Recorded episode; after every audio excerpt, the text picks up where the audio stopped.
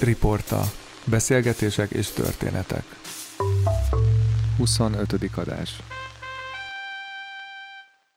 Ha úgy érzed, hogy a riporta számodra értéket képvisel, akkor támogasd Patreonon havonta egy általad választott összeggel.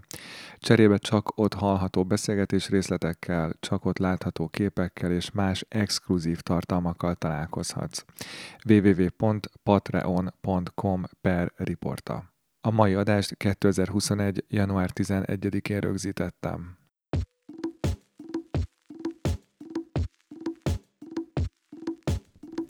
A tavalyi év valamelyik hónapjának, valamelyik napjának, valamelyik angol óráján a médiáról beszélgettünk az egyik tanulóval.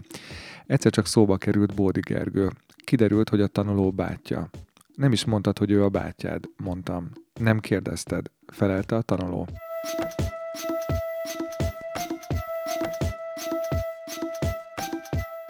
Jogos. Úgyhogy azóta gyakran kezdek úgy tanfolyamokat, hogy nincs véletlenül egy bátyád, aki rádiós műsorvezető, esküvőkön ceremóniamester, tréner, újságíró, illetve egy színházi társulat műsorvezetője is?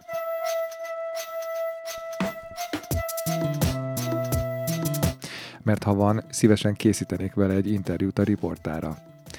Szóval így kerültünk össze Gergővel, ráadásul a beszélgetésünknek különös apropója is van.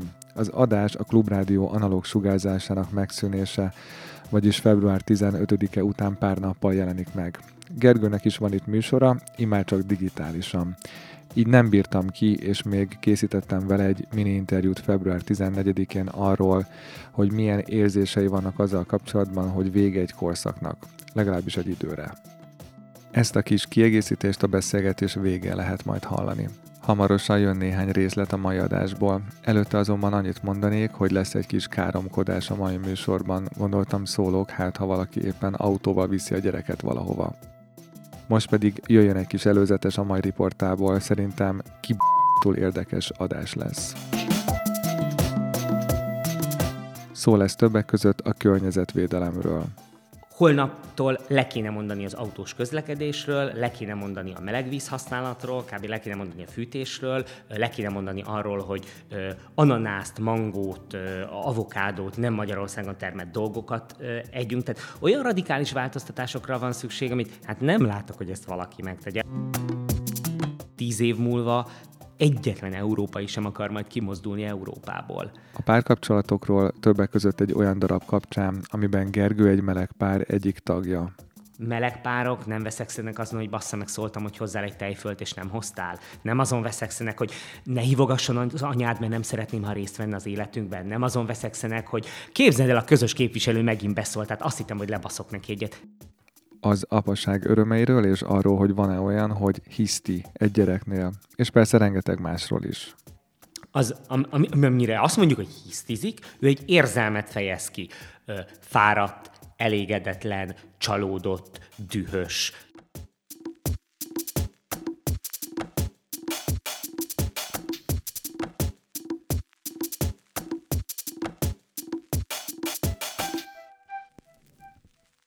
A beszélgetés előtt jöjjön pár szó a mai adás támogatójáról hirdetés formájában. Kedves hallgatók, imádok enni. Ezért is örültem, hogy a mai adás támogatója a Halas Gyors Étterem, a Nordzé, a Riport a hallgatóinak 20% kedvezményt ajánlott fel, minden olyan rendelésnél, amelyet a Korgó Gyomrú hallgatók a www.nordzé.hu-n vagy személyesen adnak le. Budapesten az Árkádban, az Arénában, a Mamutban vagy a West Endben, nem Budapesten pedig Győrben vagy Debrecenben. Csak mondjátok azt, hogy a riportán hallottatok erről, vagy a netes rendelésnél a közlemény rovatba írjátok be, hogy riporta. A Nordzé a hal ételeiről és a jelek szerint a bonyolult ételneveiről híres például csőben sült fekete tőkehalfilé, vagy grillezett csendes óceáni lepényhalfilé, vagy big fish tőkehalas bagett. Ebbe bele lehet őrülni. Csak úgy, mint a kedvezménybe. 20% 2021. március 31-ig www.nordsee.hu Ez egy hirdetés volt. Most pedig jöjjön a beszélgetés Bódi Gergővel.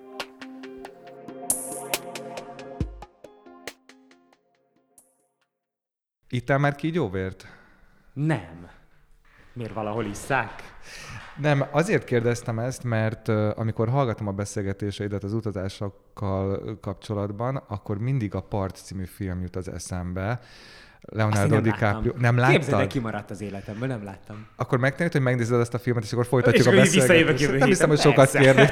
Nem mondtad, basszus, mondtad volna, hogy készülni kell ebből abból.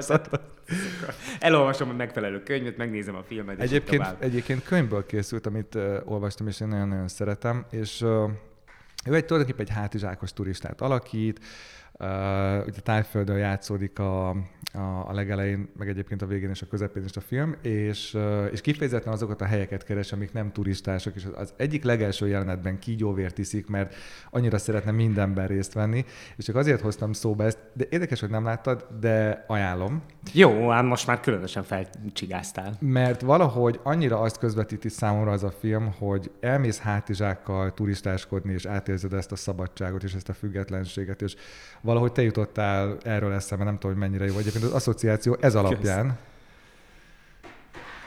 Hát ez nagyon-nagyon híz, hízelgő egyébként. Most ilyen elevenemre tapintottam, mert ezzel kapcsolatban komoly nagy dilemmáim vannak.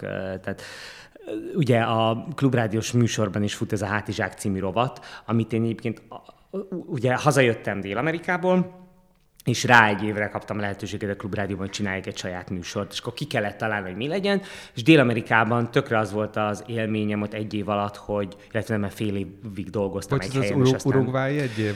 Igen, tehát úgy volt, hogy fél évet töltöttem Uruguayban, Montevideóban munkával, és akkor fél évet utazgattam. Tehát a fél év alatt, az utazgatás alatt volt az a tapasztalatom, hogy, hogy találkoztam Ausztrállal, meg Izraelivel, meg Némettel, meg Franciával, meg Svéddel, tök mindegy.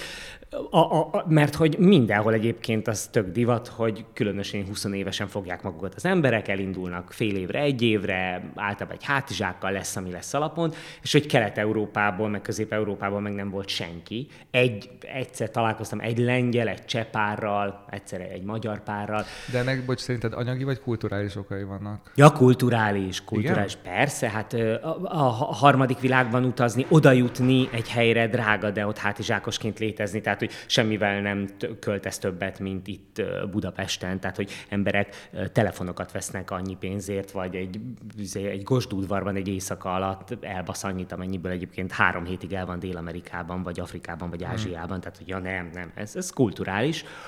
És akkor gondoltam, hogy tök jó, akkor csinálok egy hátizsák rovatot, ahol, aminek pont az lesz a fókuszában, hogy hogy merjél kilépni a komfortzónából, merjél elindulni, nem veszélyes a világ, ha nem csinálsz hülyeségeket, semmi nem történik vele. Tehát Zakintoszon meg a Costa Bráván kívül is van egyébként világ, Itt és bocsánat, lehet menni. csomó beszélgetést megnéztem veled, és szabad ne feled, de annyira érdekes volt, amikor arról beszélt, hogy tulajdonképpen a feleségedet idézőjelben rávetted arra, hogy ő is legyen hátizsákos turista, vagy így bevontad ebbe, és akkor is példaként azt mondtad, hogy ő előtte inkább ez a zakintoszi.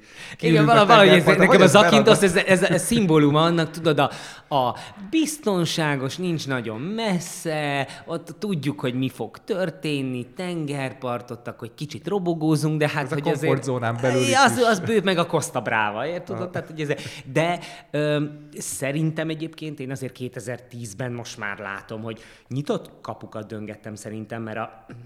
Bocsánat, mert a a, a, a 20-30 éves generációra ez már rég jellemző, és szerintem ők ebbe akkor már rég benne voltak, tehát inkább a, a, a szüleink generációja az, aki, aki tudod, még így félve, tehát hogy, hogy szerintem ez így egybeesett a, a Hátizsák című műsoromnak az ötlete, meg az, amit valószínűleg már tapasztaltam is magam körül, hogy, hogy a, a csomó barátom, ismerősöm az egész korosztály akar utazni, csak még mondjuk nem, nincsenek információink, honnan tájékozódjunk, mit lehet igénybe venni, hol vannak magyar nyelvű források, kik jártak már arra, meséljenek valamit. Tehát most már azért 2000, 2020-ban, hát ennek bármilyen országba szeretném menni hátizsákosként, 877 lehetőség áll rendelkezésedre. Picit eltérítettelek, bocsánat, mert éppen azt kezdted el mondani, hogy elemenedre tapintottam, és hátizsák című Na igen, műsor. igen, igen, és akkor elkezdtem, ugye ez 2010-ben, az volt a cél, hogy akkor menjünk, menjünk, menjünk. És hát most azért a, a, a vírus, meg a fenntarthatóság, meg a környezetvédelem, meg az, ami az elmúlt egy-két évben történt, Szóval most nagyon gondolkozom, hogy, hogy pont még egy hónapig fut ez a Hátizsák című rovat, és hogy szabad-e 2021-ben embereket arra inspirálni, hogy utazzanak. Ezt De nem nincs, tudom. nincs pont ennek egy ilyen fordított pszichológiai, pontosabban nem fordított pszichológiája, ez nagyon nehéz a kifejezés, nem tudom miért választottam, hogy éppen azért, mert nem lehet elmenni, szívesen hallgatnak legalább ilyen történeteket olyanoktól, vagy olyanokról, amit nem tehetnének meg. De, igen. Vagy aztán annyira belehergelik magukat, hogy el is akarnak menni, és akkor te megfelelőséget hát, érzel ezzel Hát igen, szóval valahogy, ú, hát nem tudom, Ó, iszonyatosan, iszonyatosan elkényeztetett minket az elmúlt 30-40-50 év, és és félek egyébként, hogy már, már nincs megállás, és nem fogjuk tudni visszafogni magunkat, de, de az utazás az egy olyan dolog, amiről elhittük, hogy, hogy ez trendi, ez kell, és akkor vagyok valaki, vagy akkor tudok nagy sztorikat mesélni, ha jártam 20-30-50 országban. Hát az már évekkel ezelőtt is dühített azok az utazók, akik abban versenyeztek, hogy minél több országban járjanak. És akkor csomóan voltak, akik csak leszálltak repülőtéren, és akkor wow, jártam Butánban, hát kurvára nem jártál Butánban, hát leszálltál a repülőtéren, hogy kipipált Bután, sőt, hát az elmúlt években a, a tömegturizmus meg végképp arra ment, hogy emberek nem ismernek már meg országokat, nem látnak országokat, nem tapasztalják meg a kultúrát, nem esznek helyi dolgokat, nem laknak hely... Elmennek, leszállnak a reptéren, beülnek a luxus légkondis buszba, az elviszi őket a látványossághoz, a második, megnézik a három látványosságot, mert visszaszállnak repülőre, és azt mondják, hogy voltak Kambodzsában. De kurvára nem voltak Kambodzsában. Az előbb volt egy nagyon érdekes mondatod, bár nagyon jó nézni ezt a szenvedét, amit uh, most bemutatsz, és azért is, mert eredetileg azzal kezdtem volna ezt a beszélgetést, hogy te egyszerűen annyira egy pozitív ember vagy, hogy, hogy vajon hogy lehet ezt fenntartani, és az emberek mit szólnak ehhez. Viszont most örülök, hogy, hogy a kicsit kritikusabb éned is előkerült, és az előbb volt egy nagyon érdekes mondatod, amikor azt mondtad, hogy te már félsz, hogy az egész megállíthatatlan, vagy hogy ennek itt vége van, mintha valahogy így fogalmaztál volna. Egyébként a, tav- vagy a múlt heti adásban pont David Attenborough filmjének ismertetésével kezdted. Pessimista vagy ezzel kapcsolatban? Illetve ehhez kapcsolódó kérdésem, hogy mit értesz ez alatt, hogy ez már egy kicsit olyan megállíthatatlanak tűnik? Hát persze, hogy pessimista vagyok. Hát nem, nem látom igazából. De és, és ezt magam, magamat is beleértve. Tehát olyan iszonyatos dolgok, olyan iszonyatos kényelemről kéne lemondani. Tehát az, az hogy, hogy most reggelente viszem magammal a kis kávésbögrémet, és abba kérem a kávét, meg, meg nem, tudom én, szelektíven gyűjtöm a szemetet, meg akkor inkább BKV-val utazom, pedig el lehetne az adott célpontra jutni autóval is, meg, meg a spárban ugyanazzal a szatyorral vásárolok hónapok óta. Tehát ezek aranyos dolgok, de attól félek, hogy ahhoz, hogy, hogy komoly változásokat idézzünk elő. Tehát holnaptól le kéne mondani az autós közlekedésről, le kéne mondani a melegvíz használatról, kb. le kéne mondani a fűtésről, le kéne mondani arról, hogy ananászt, mangót, avokádót, nem Magyarországon termett dolgokat együnk. Tehát olyan radikális változtatásokra van szükség, amit hát nem látok, hogy ezt valaki megtegye. A, a kettővel ezelőtti barátnőm, igen, a Gödölői Egyetemen gyorsan akartam mondani, környezetkémikus, ezzel tölti az életét, tíz év, hogy ilyennel foglalkozik, és múltkor, amikor találkoztunk, azt mondta, hogy ja, hát semmi, hát ez egy lefelé tartó spirál, itt nincsen megállás, tehát hogy tudósként vagy kutatóként nagyjából így, így belenyugvással és szeretettel szemlélni tudod, hogy hogy pusztul el ez a világ. Tehát itt már rég nincs arról szó, hogy majd beavatkozunk és megváltoztatjuk. Miközben ennek ellenére holnap is a saját kis kávés poharammal fogok kávét kérni, és a spárba viszem a saját kis szatyromat, és most azon gondolkozom, hogy esetleg visszafogom a húsfogyasztásomást is. Az, hogy apa lettél, az szerinted érzékenyebbé tett ilyen szempontból, vagy ez mindig jellemző volt rád? Ja, szerintem az egyáltalán nem. Nincs összefüggés? Nem, nem, nem, nem. Nincs az bennem, hogy jaj, mert milyen bolygót hagyok a gyerekemre, Aha. vagy az unokáimra. Ja, nem, nem, ezt, ezt a saját lelkiismeretem hajt, vagy nem hajt. Na mindegy, hát így, figyelj, most uh, a, nem vagyok felelős az egész emberiségért. Azt tudom tenni, hogy én megteszem ezeket a dolgokat, mert így érzem jól magam. Ha, és el is mondom, ha kérdeznek erről. Ha ebből lesz hosszú távú változás, akkor örülök, ha nem, akkor együtt szívunk, ennyi. De hogy az utazások kapcsolatban van most egy ilyen nagy dilemmám, hogy, hogy oké, okay, lehet, hogy a hátizsák rovatot fenn lehet tartani, de akkor hangsúlyozni kell a hallgatóknak, hogy igen, hogy visszamentünk a mondjuk 50-es, 70-es évek szintjére, és én azért hívok meg embereket, hogy elmondják a saját kalandjaikat, de arra kérünk mindenkit, hogy ennek örüljön, és ne menjen el arra a helyre, csak fogja fel, hogy ez egy képes könyv a világról. De ez kicsit olyan keserédes, nem? Hát persze, azért mondom, hogy igazából nem lehet megcsinálni, meg tudod, ez, ez az én számból azért hiteltelen, mert ja, könnyű azok után embereket biztatni, ne utazzanak, miután te voltál 60 országban. Ez kicsit olyan, mint a... Na, és ezért nem hiszek a változásban, hogy most azt mondjuk a szerencsétlen indiaiaknak, meg kínaiaknak, akik sok száz év nyomorúság, meg szenvedés, meg nélkülözés után eljutottak abba a fázisba, hogy nő a, a középosztály, egyre többet tudnak fogyasztani, egyre több luxus termék elérhető, áram van, víz van, autó van, hogy hát de most már ezt ne csináljátok, mert tökre, tönkre fog menni a bolygó.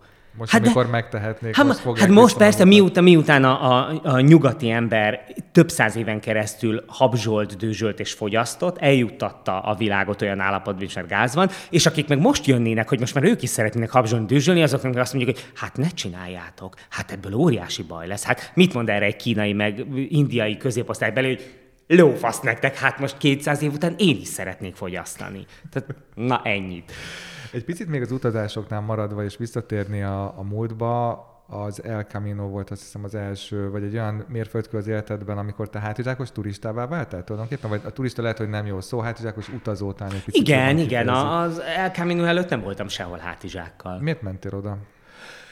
Kérlek szépen, ez volt 2004-ben, nagy szerelmi bánatom volt, és, egy január-februárban, és és akkor persze, na, sok év után szakítás, mit csinálják, hogy csinálják, tönkrement az életem, nincs már értelme, bla bla bla. És akkor leültem egy barátnőmmel pizzázni, még akkor létezett egészen pontosan, tudom, a nyugati, nyugati nála volt egy Don Pepe talán ott a sarkon, az Alexandra mellett. Lényegtelen, Tudom, na mindegy. Szerintem, hát talán nem Dom, de valami olasz. Valami olasz Igen, pizzéria volt. Na, ott ültünk egy boxban, és akkor mondta, hogy hát ő egyébként megy nyáron, megcsinál egy ilyen zarándogutat. Mondom, az mi vagy, az micsoda. Hát, hogy, hogy, hogy oda azért megy az ember, hogy így megtudja, hogy merre van az előre, és hogy kicsoda ő, és hogy mi dolga van az életben, és mondtam, hogy hát akkor megyek.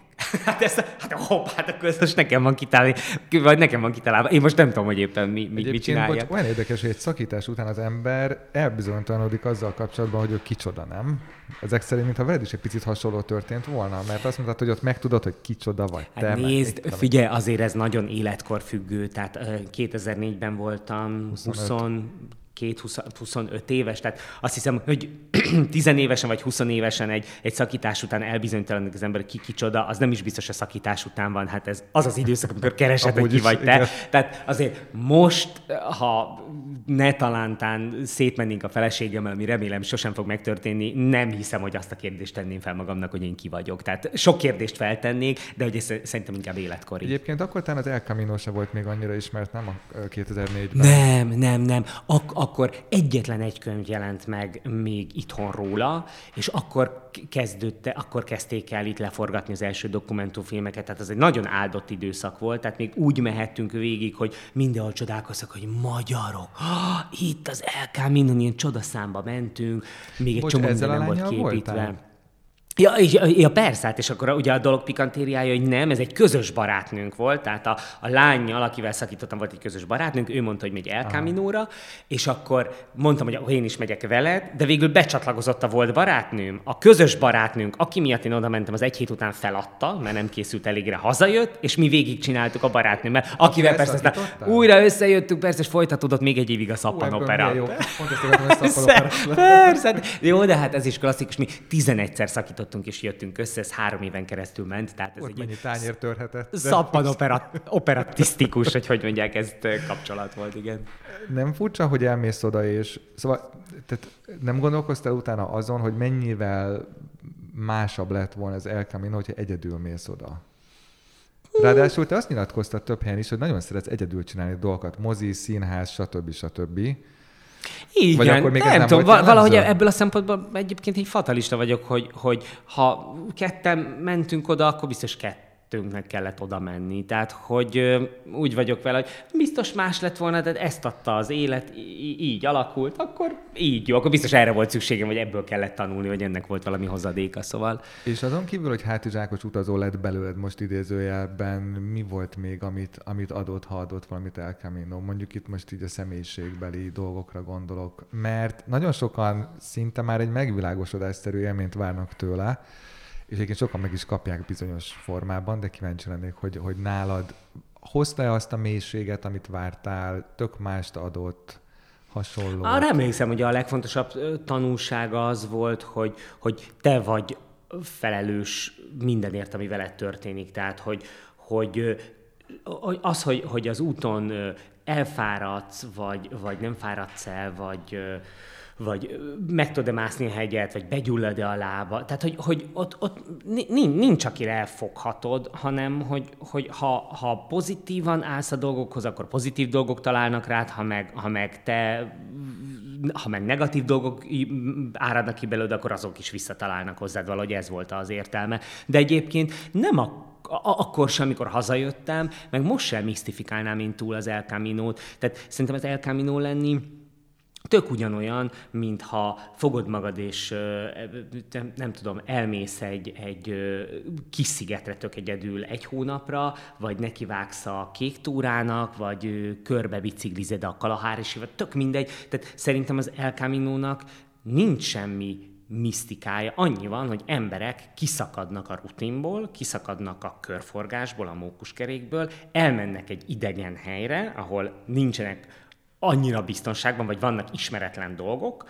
amikkel meg kell küzdeni, és ezt egy hónapon keresztül csinálják. Tehát nem, és, és van egy teljesítmény, amit mondjuk elvileg meg kéne csinálni. Tehát, hogy, hogy ez tök mindegy, hogy egy zarándoklat, vagy, vagy nem tudom, hogy egy hónapig birkákat legeltetsz Írországban. Az a lényeg, hogy kikerültél a megszokott környezetből, valami más van, sokat csend körülötted, sokszor vagy kvázi arra kényszerítve, de mondjuk ez sem igaz, mert ez is rajtad múlik, mert az El camino is, ha társasággal mész, és megérkeztek valahova, és esténként nagyokat főztök, és ezt úgy fogod fel, hogy milyen brahi egy sporttevékenység, akkor nem jönnek ezek a csöndek. Ha te akarsz csöndeket, és el akarsz gondolkodni, hogy, hogy mi van, meg hogy van, Tavaly olvastam, hogy Japánban iszonyatosan nagy divat most, hogy emberek önkéntesen börtönbe záratják magukat néhány napra, csak egy hosszú hétvégére vagy ilyesmi, ami annyi, hogy bezárják őket egy cellába, ott töltenek 48-72 órát,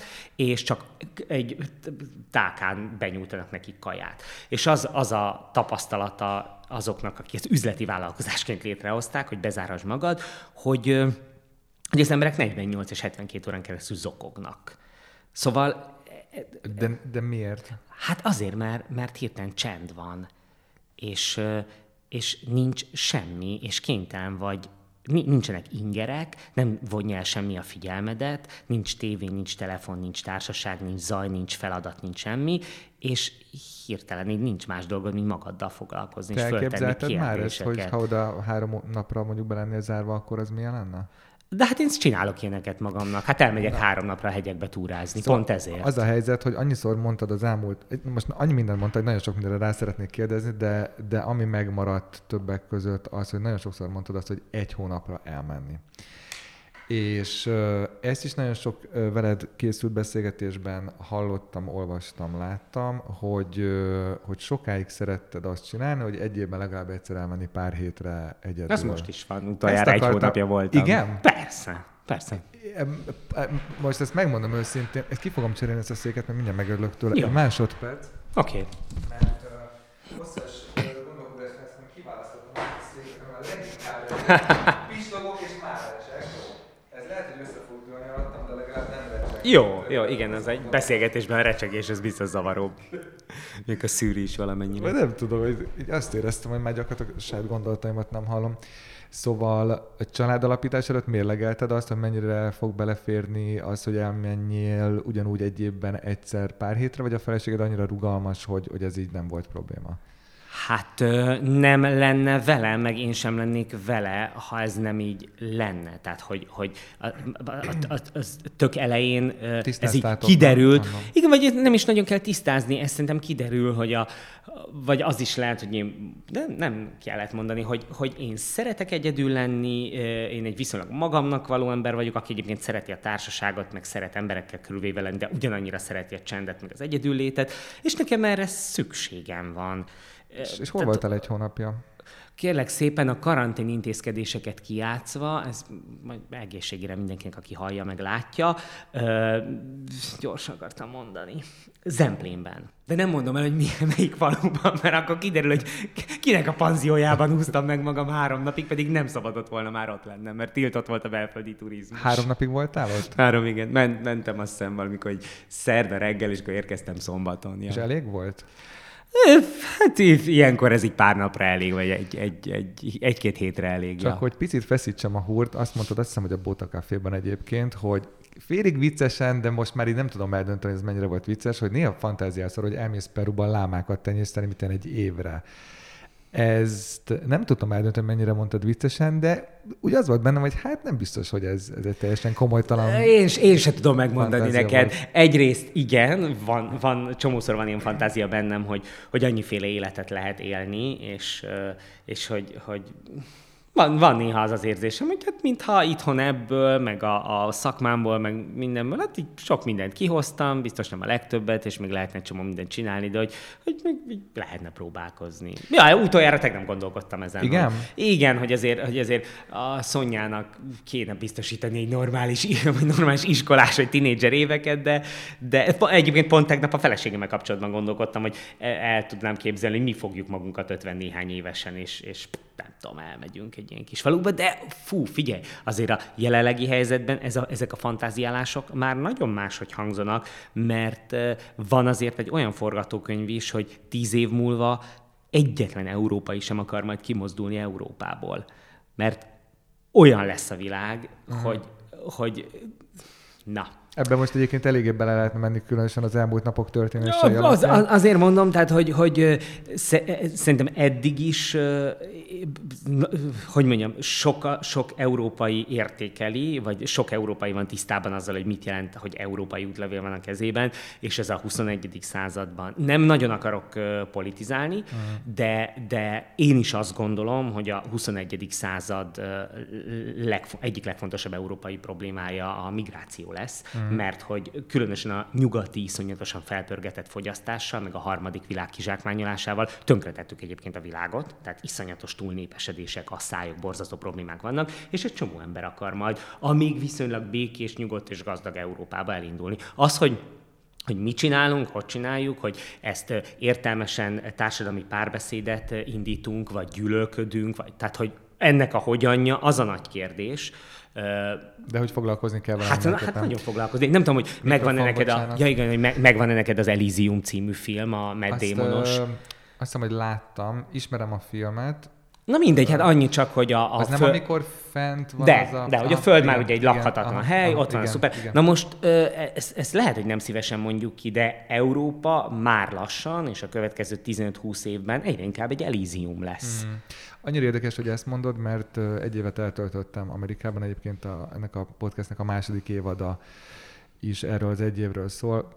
Ez most termékmegjelenítés volt, és és először szembesültem ott azzal, hogy engem nem magyarnak, hanem európainak tartanak. Más kérdés, hogy, és most nem is csak az ottani amerikaiakról beszélek, akik közül, hát volt, aki most hogy fogalmazok, felfogta, hogy Európa az nem egy ország, volt, aki nem, de szóval nekik én európai voltam, az ottani dél-amerikaiaknak is én európai voltam, nem az, hogy te magyar, hanem európai. És akkor kezdtem el gondolkozni először azon, hogy az mit is jelent. És nagyon érdekes volt, hogy, hogy tulajdonképpen mennyire mások az európaiak, legalábbis mi, a, mit tudom én, svédet, egy, egy spanyol, hogyha összevetünk, mennyire más látunk, míg Amerikából az ugyanaz nekik, tehát hogy, hogy nem tudom, hogy te szoktál ezen, szoktál ezen gondolkodni, hogy mik az európai értékek, mit jelent, hogy európai vagy, de most, hogy erről beszélsz, ez, ez is kicsit rímel erre. Persze, tehát az én nagyobbik öcsém, ugye ő San Franciscóban én most már állampolgár, van egy, van egy ottani, egy kaliforniai felesége, és így aztán már háromszor voltunk náluk, meglátogattuk őket,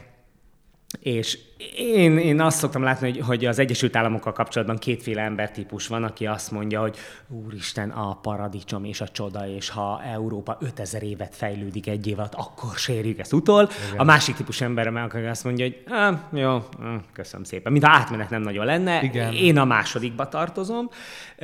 Mindent értek, mindent látok, és, és valahogy, és ezt lehet fennhéjázásnak vagy gőgnek nevezni, én ott túlságosan európainak éreztem magam. Tehát azt, azt éreztem, hogy nagy a só, nagyon vicces, nagy a fogyasztás, nagyon megy, de hogy ott, ott a felszínen, a mélyén valahogy, hát nem tudom, az, az, az nekem olyan sivár volt, olyan kevés, olyan, olyan, öm, Hát, szabad ilyen izéket, ilyen csúnya, hogy ke- ke- kevés kultúrájú, vagy kis kultúrájú, vagy kevés történelmű, vagy olyan kevés... De hát, belegondoltál te abba, hogy ahhoz képest mekkora önbizalmuk van? Persze, egészségükre. De ez nem, nem hihetetlen? Tehát nekem mindig is az volt a... Na de hát ez egy gyerek társadalom. Hát Igen, szerintem az, hát- az Amerikai Egyesült Államok, az az országok rangsorában, ők olyan, és elnézést, mert ugye nem mindegy, hogy a, a New Yorki zsidó ügyvédről, vagy pedig a, a oklahomai paraszt ember, már fölműves emberről beszélünk, vagy a San Franciscói melegbár tulajdonosról, tehát nincs egy amerikai, de, de valahogy azt érzem, hogy, hogy ők a, a gyereklét áldott állapotában vannak, a, a, hogy, az egész, hogy az egész társadalom, mintha, és, és hát a gyereknek végtelen önbizalma van. Mindent kimond, mindent megcsinál, mindennek örül, minden csoda, még, még sok értelme, meg elkúja, meg kultúrája nincsen, de végtelen energiája van, és egyébként ezt lehet csodálni. Tehát nekem az óriási élmény, álltunk egy közepesen érdekes valami természettudományi múzeumban, mit tudom én, valahonnan azt gondoltuk, megálltunk ott egy napra menjünk el, Monterey talán, azt hiszem, hogy van oh, San Francisco. Azt hiszem, hogy a hatalmas kis hazugságok az ö, ott játszódik. Mert van egy hatalmas akvárium, az csodálatos, és még volt pár óránk, és elmentünk egy múzeumba, mondom, közepes jellegű. És állt a sor, 10 óra vártuk a nyitást, és akkor 10 órakor, vagy 10 óra egykor megjelenik egy ilyen múzeumi animátor, kiáll a tömeg elé, és megkérdezi, hogy Szerbusztok, jó reggelt, örülök, hogy itt vagytok, be akartok menni a múzeumba? És akkor emberek, Tapsolni nem kellett. És érted, hogy, hogy ők ebből sót csinálnak, és örülnek, hogy be akarunk menni a múzeumba, pedig ott bent nincsenek nagy érdekességek, de hogy hát ez de, de ez, ez elképesztő, hát ez lenyűgöző. Igen, Legy... igen. A, a másik élményem, ugye Momentán társulat 17 évet csináljuk, interaktív improvizációs színház, én vagyok a műsorvezető, az én feladatom, hogy ötleteket kérjek a közönségtől, hogy meséltessem őket, hogy néhány, néha fölhívjak embereket a színpadra, hogy segítsen nekünk egy apróságban, mm. kell játszani, meg szerepelni. Na most hát el tudod képzelni, hogy mi van itt Magyarországon. Most már jobb a helyzet, mert jobban ismerik a műfajt, meg van törzsközönség, meg beugrót látták a tévében, tehát már van valami fogalmuk, de hát még mindig az van, hogy megkérdezem, hogy van, aki szeretne segíteni? És a színháztermünkben 140 szék van, 138 lesúnyt fej. Ja, ide ne jöjjön, én nem akarok, nem akarok, Jézusom, ide hívjon.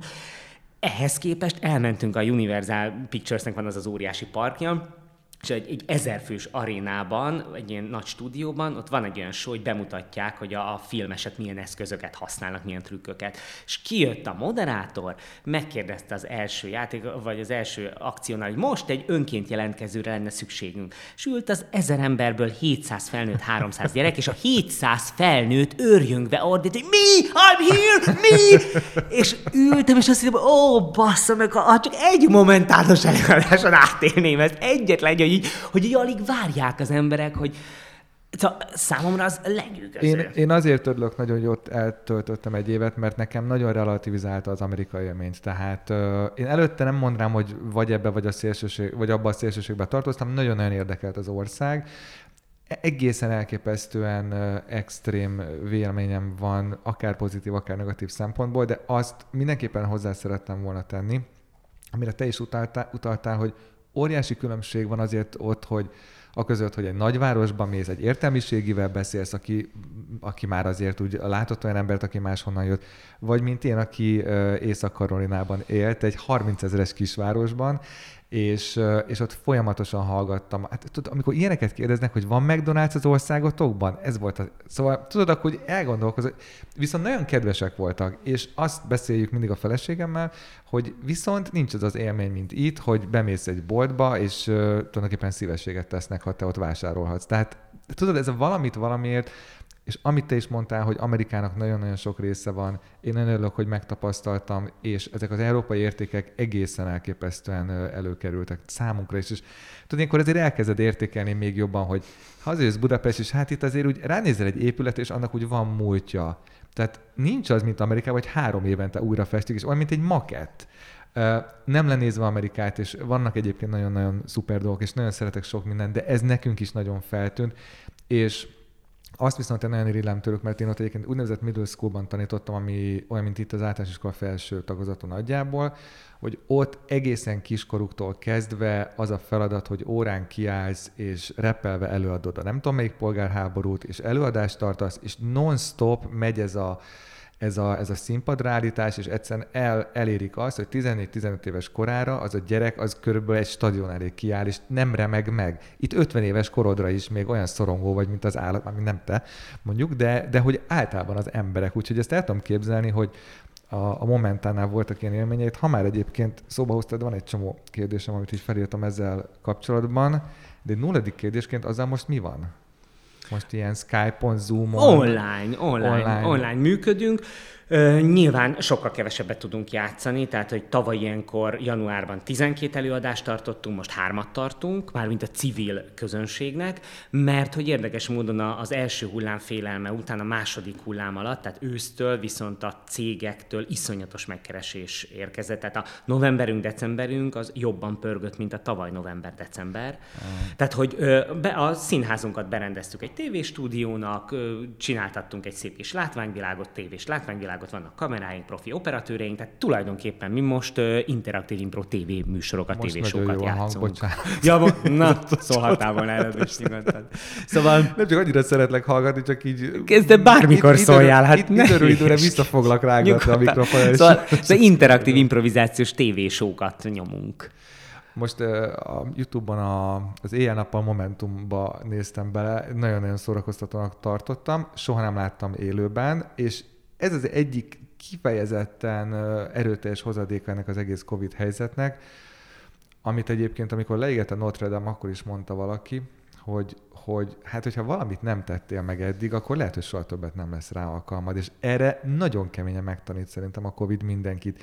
Idős rokonodat lehet, hogy már jövőre nem fogod látni, mert már nem fog élni, és most nem tudsz vele találkozni, tehát, hogy Szóval ez, ez ilyen elképesztő. Nem tudom, hogy nektek mi a, a jövőképetek ezzel kapcsolatban, vagy mi az, ami, ami benneteket ö, életben tart. Mondjuk talán nálatok az a speciális helyzet, hogy egyszer azt mondtad, hogy nem kifejezetten színészek játszanak nálatok, hanem forgatókönyvírótól kezdve nagyon sok mindenki. Tehát feltételezem azért nem ez a kenyére való, vagy nem, nem ebből élnek ott az emberek, de, de egyáltalán az, hogy ti egyáltalán még nem tudom, miért mondtam, hogy ez egyáltalán nem, de szóval, hogy az, hogy online még aktívak vagytok és működtök, az valami nagyon nagy erőről tanúskodik.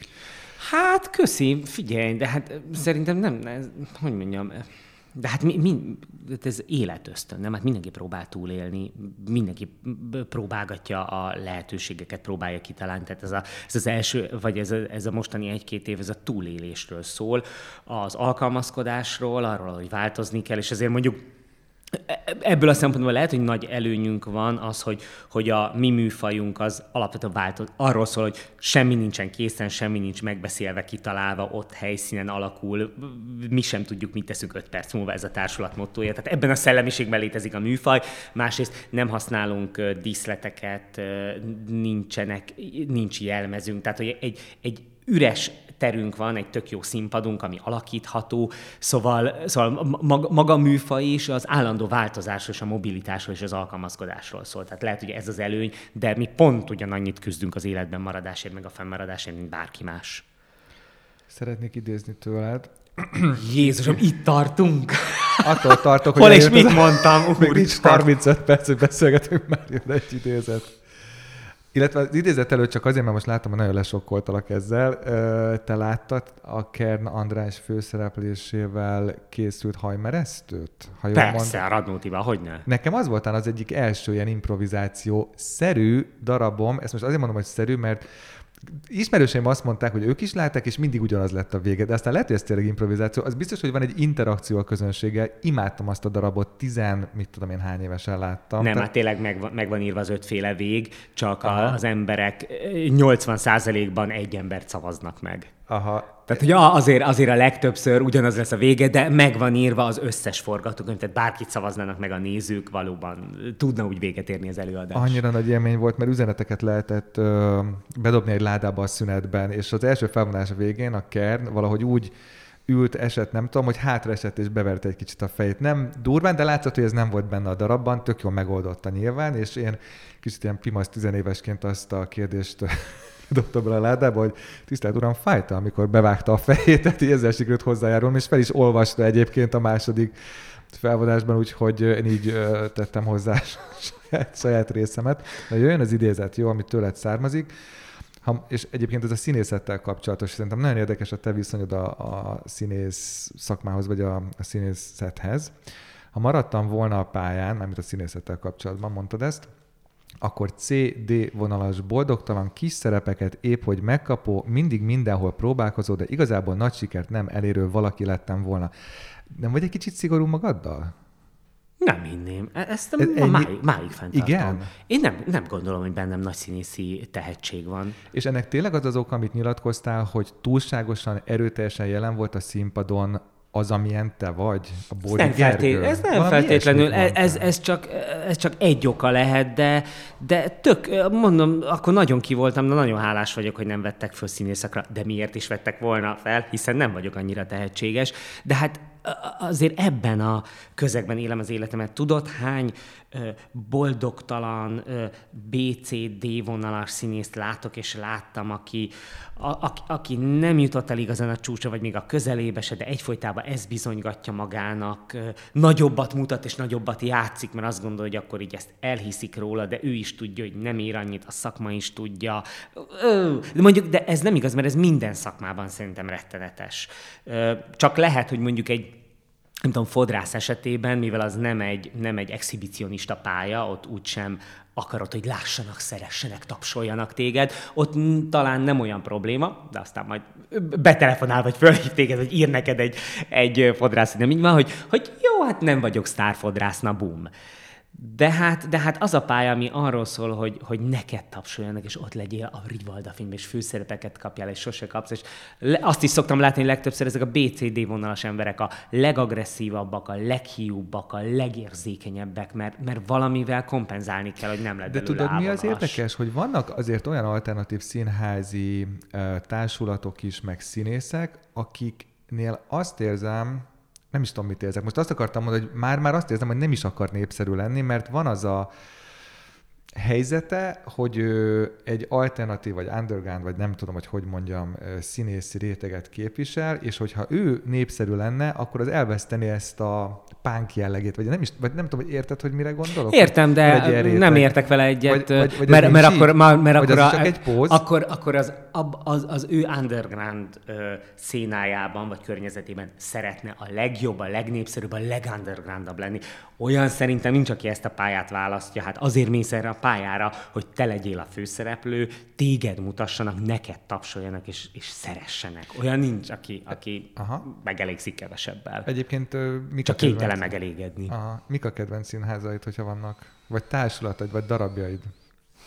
Fú, ez jó kérdés. Hát az a baj, hogy erre csak ilyen nagyon azért, unalmas választ tudok adni, tehát nyilván az őrkénybe járok, meg a katonába, meg a radnótiba, meg Jurányiba, szóval hoz, hozom, a, hozom a fővárosi liberális értelmiségiek minden a kezdőcsomagot. A kezdőcsomagot, tehát ennél nincsenek izgalmas. Hát meg az a Momentán társulat, hát, hát az, az a legjobb. Ó, nekik minden estét meg szoktam nézni.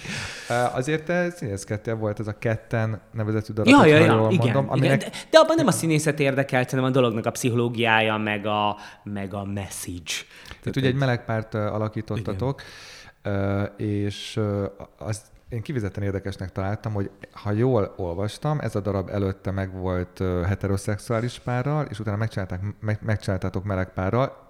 Te ötleted volt, jól emlékszem? Abszolút, abszolút. Ez kiknek készült ez a darab? Ezt most csak azért kérdezem, és most ez egy elég összetett kérdés lesz, mert egyrészt érzek benned egy, hát küldetéstudatot, vagy nem is tudom, minek mondjam, hogy a toleranciát elterjeszt, a sztereotípiákat romboljuk le, nem tudom, hogy ez eddig megállja a helyét veled kapcsolatban, lehet, hogy egy picit didaktikusan fogalmaztam, bocsánat, ha igen, de azt is mondtad, hogy nagyon sok meleg járt az előadásokra, mondjuk a negyede volt heteroszexuális, és ez felveti bennem azt a kérdést, hogy a, a darabbal elsősorban olyan melegeknek akartatok-e segíteni, akik esetleg nem vállalják ezt fel, vagy, vagy nehezen érik meg inkább azt mondanám a szexuális orientációjukat, vagy esetleg olyan heteroszexuálisoknak is szólt a darab, akik erre csúnya szóval ráfér az érzékenyítés, tehát volt-e bármilyen koncepció ezzel kapcsolatban? Nem. Mert ugye tényleg volt. Lehet, hogy túl sokat akarok beleolvasni, vagy gondolni. De nagyon jól esik egyébként.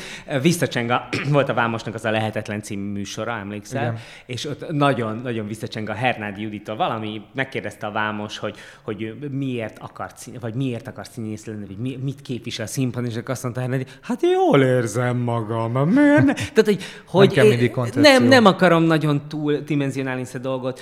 Ö, é, é, engem érdekelt ez a dolog, kíváncsi voltam, érdekelt egy párkapcsolatnak a pszichológiája, megtaláltam hozzá a Radabálin kollégámat, aki azt mondta, hogy persze, csináljuk, de annyi ha kell ilyen szót használni, küldetés volt bennem, hogy azt gondoltam, hogy mi a Momentán Társulat egyfolytában azt képviseljük a műfajunkkal is, hogy tolerancia, nyitottság, elfogadás, beszélgetés, kérdések, együtt gondolkodás, és azt gondoltam, hogy hát ha valakinek kell csinálni egy meleg előadás, vagy melegekről szóló, vagy melegeknek szóló előadás Budapesten, hát azok mi vagyunk, hogy úgy, hogy csináljuk.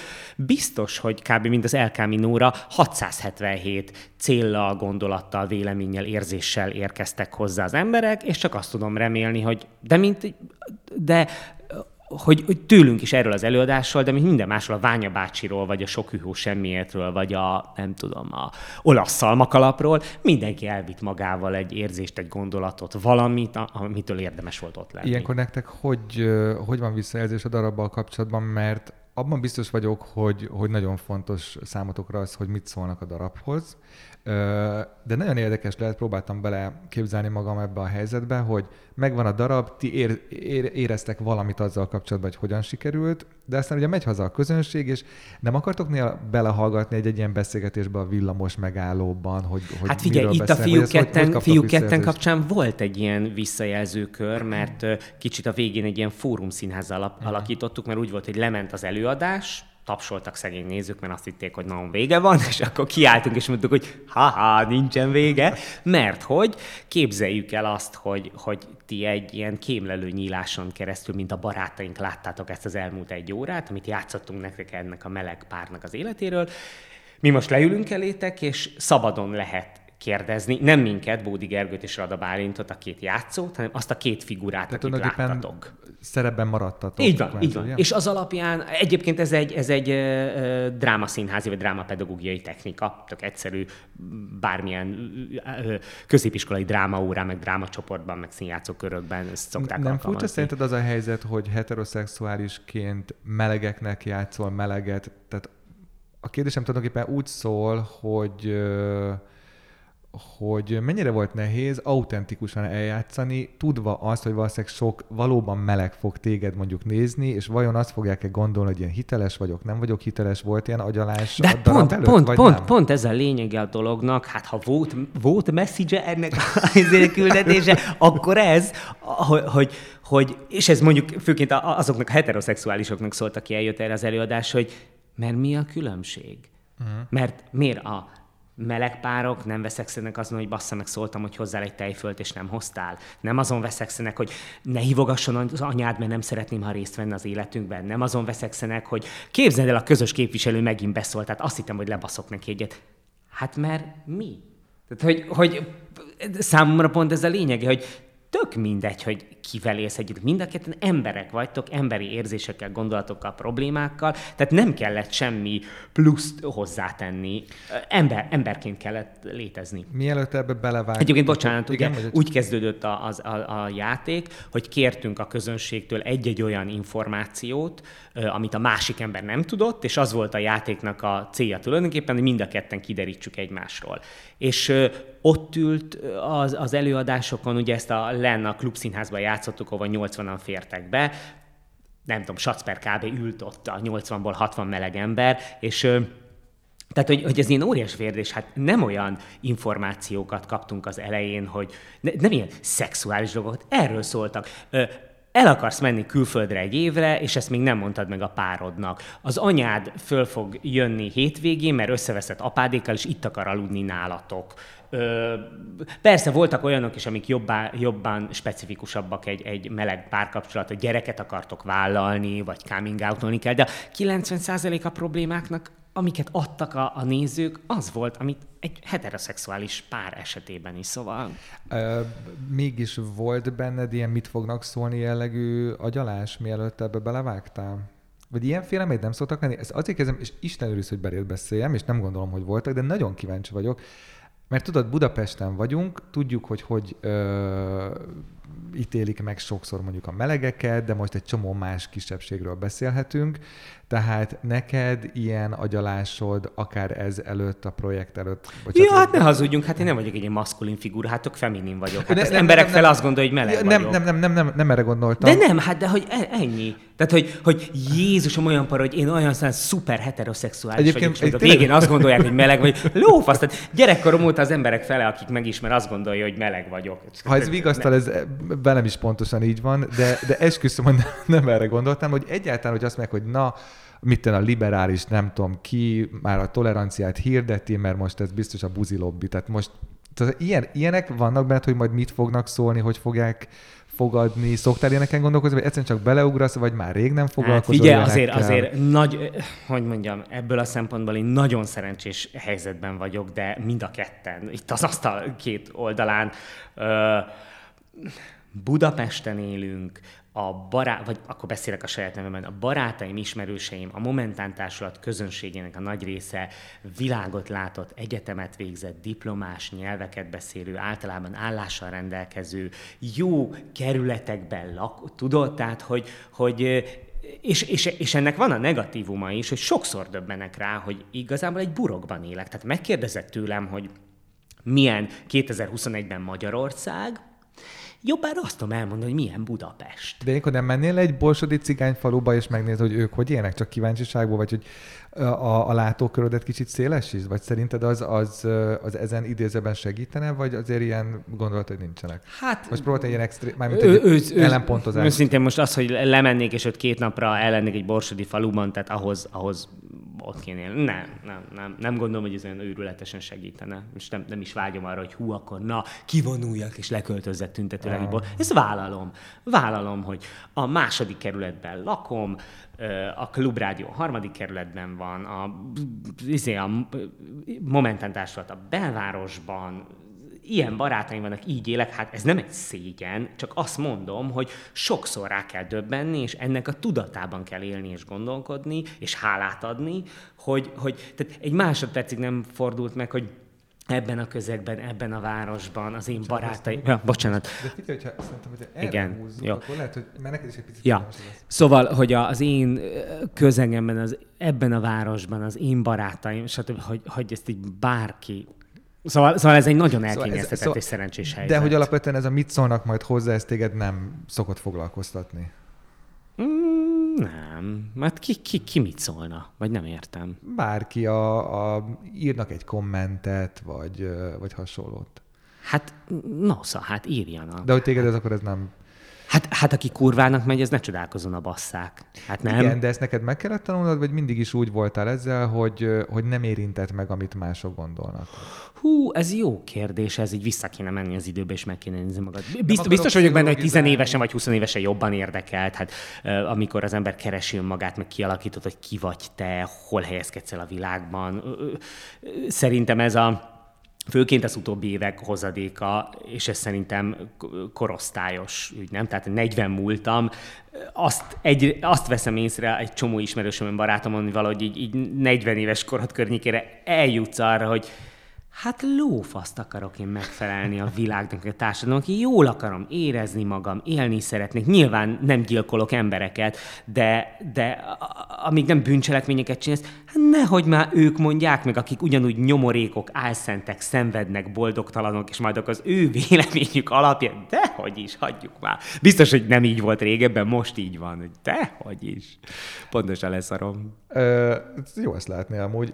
Van még egy dolog, nem akarok ezen sokáig rugózni a színészettel kapcsolatban, amit felírtam magamnak. Ezt csak azért fogom feltenni, mert észrevettem, egy kicsit kényszeres lettem, és, vagy hát én 40 éves korom.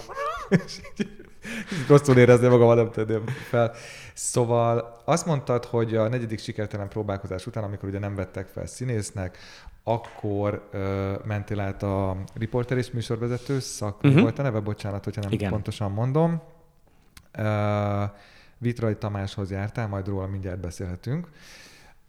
De valahogy úgy fogalmaztál, hogy te akkor is be akartad venni a filmművészetit. Mi, mi volt ez az erős motiváció ezzel kapcsolatban? Be akartad bizonyítani, hogy be tudsz oda kerülni, vagy volt valami Ja más? nem, nem, hát ö, óvodáskoromban már ö, ö, bábszínházat, meg híradó paródiákat csináltam a csoportnak. Tehát ez teljesen egyértelmű volt, hogy, hogy én ezt szeretem csinálni, hogy, hogy valamennyire fekszik nekem, hogy jó vagyok benne, vagy mennyire vagyok tehetséges, azt az életem végén eldönti valaki, vagy senki nem dönti el, de hogy én ebben jól érzem magam, és ezt akarom csinálni, és, és e, e, hát, hogy ez egyértelmű volt.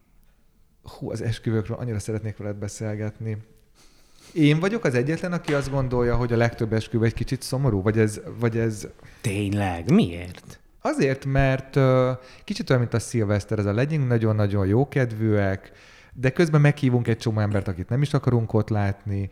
Illetve ide kapcsolódik az is, amit te mondtál egy nyilatkozatban, és szerintem nagyon érdekes volt, hogy rengetegen mondják, hogy az anyja nehogy betegye oda a lábát, az apja, meg hogy ez a rokona ne legyen ott, és, és mondtad, hogy ez egy picit például, legalábbis ez a része szomorú, amikor uh, ilyen szakadások vannak családokban, és ezt így megélni. De én... lehet, hogy csak én vagyok ilyen melankolikus hangulatú, ezt látom, az egyébként, egyébként vidám szituáció. Ja, ma- maximálisan. Figyelj, szerintem a két ember szereti egymást, és, és azért 98%-ban azt látom, nagy-nagy-nagy ritkán van ilyen kétségem, hogy ők ezt most így hogy gondolják, de 98, ha két ember szereti egymást, akkor az, hogy esetleg meg kell hívni a vizé, Terinénit is, akit egyébként nem is ismerünk, hát az olyan off. Tehát a, a, amíg, amíg ez a kapocs megvan a két ember, nem, én kifejezetten boldog uh, eseményeknek élem meg őket. Nem, bennem sosincs semmiféle szomorúság. És a, igen, ez, ez valóban igaz, hogy uh,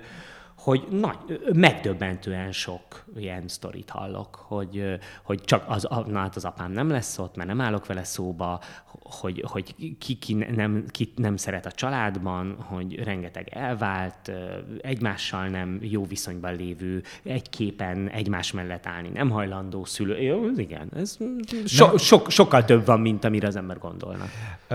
Megmondom, hogy eszembe jutott a Melankória című film Lars von trier nem tudom mennyire... Nincsen meg. Mindegy, én nagyon, én nem mindig, és nem minden nap, de vannak periódusok, amikor nagyon szeretek kicsit ilyen elborult művészfilmeket nézni, és a melankólia kezdődik egy ilyen végtelen, tényleg melankolikus esküvővel, lehet, hogy ez a keleténél jobban beragad. Mi a feleségem, melyiket nagyon sokat rögtünk a saját esküvőnkön, tehát hál' Istennek ez, azért vannak pozitív élményem is ezzel kapcsolatban. De, de, de tény, hogy hát nyilván Ugyan, ugyan emberek vannak ott, mint mindenhol. Tehát igen, vannak emberi helyzetek, sőt, csak emberi helyzetek vannak. Így, igyekszik azért persze mindenki viselkedni, de, de ha valaki alkoholista a családban, akkor arra külön figyelni kell, meg ha vannak feszült viszonyok, arra is oda kell figyelni. Tehát, igen, hát, ja.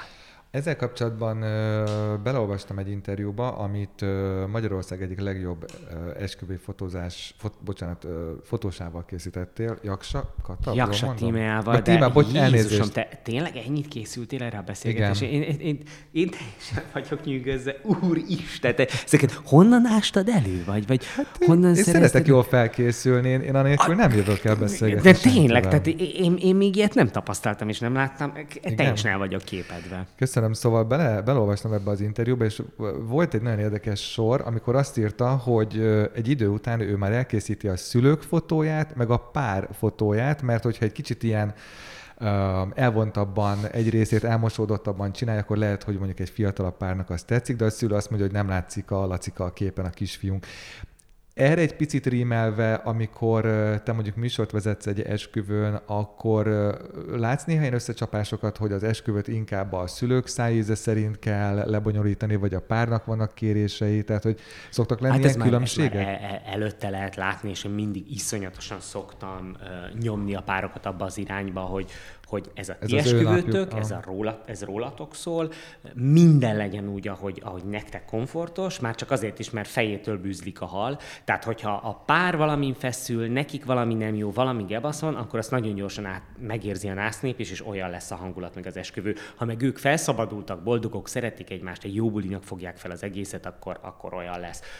Igen, nagyon sokszor van egyébként hatás a szülők részéről, hát ez már szülői intelligencia kérdése hogy, hogy mennyire akarok beleszólni, ha én adom a pénzt, vagy én fizetem, akkor cserébe elvárom, hogy majd én meg is mondjam, vagy azért adom a pénzt, mert szeretem a gyerekemet, és csináljon vele, amit akar. Igen, ilyenek azért folyamatosan vannak. Bármelyik tevékenységedből, ugye elég sok mindennel foglalkozom, majd ennek a műsornak lesz egy ilyen felvezetése. Elég hosszú lesz, hogy mindent fel akarok sorolni, amit csinálsz. De van bármelyik a tevékenységeit közül olyan, amibe bele lehet fásulni, meg lehet unni, repetet, ezt nem tudom ki van, ismétlődővé válik, vagy, vagy mindegyik jellegéből fakadóan kicsit ilyen megunhatatlan kategóriába tartozik. Mindegyik megunható. Igen? Hát persze. Azt hittem azt mondta, hogy mindig megunhatatlan. De hogy is, ja, már, ne álszenteskedjünk. Hát a világ, mi, a világon egyetlen olyan foglalkozás nincs, ami, ami megunhatatlan lenne, amiben ne lehetne uh, rutin, hogy mondjam, belefásulni a rutinba, a hogyne, hogyne. És, és, és én nem is tagadom, hát miért?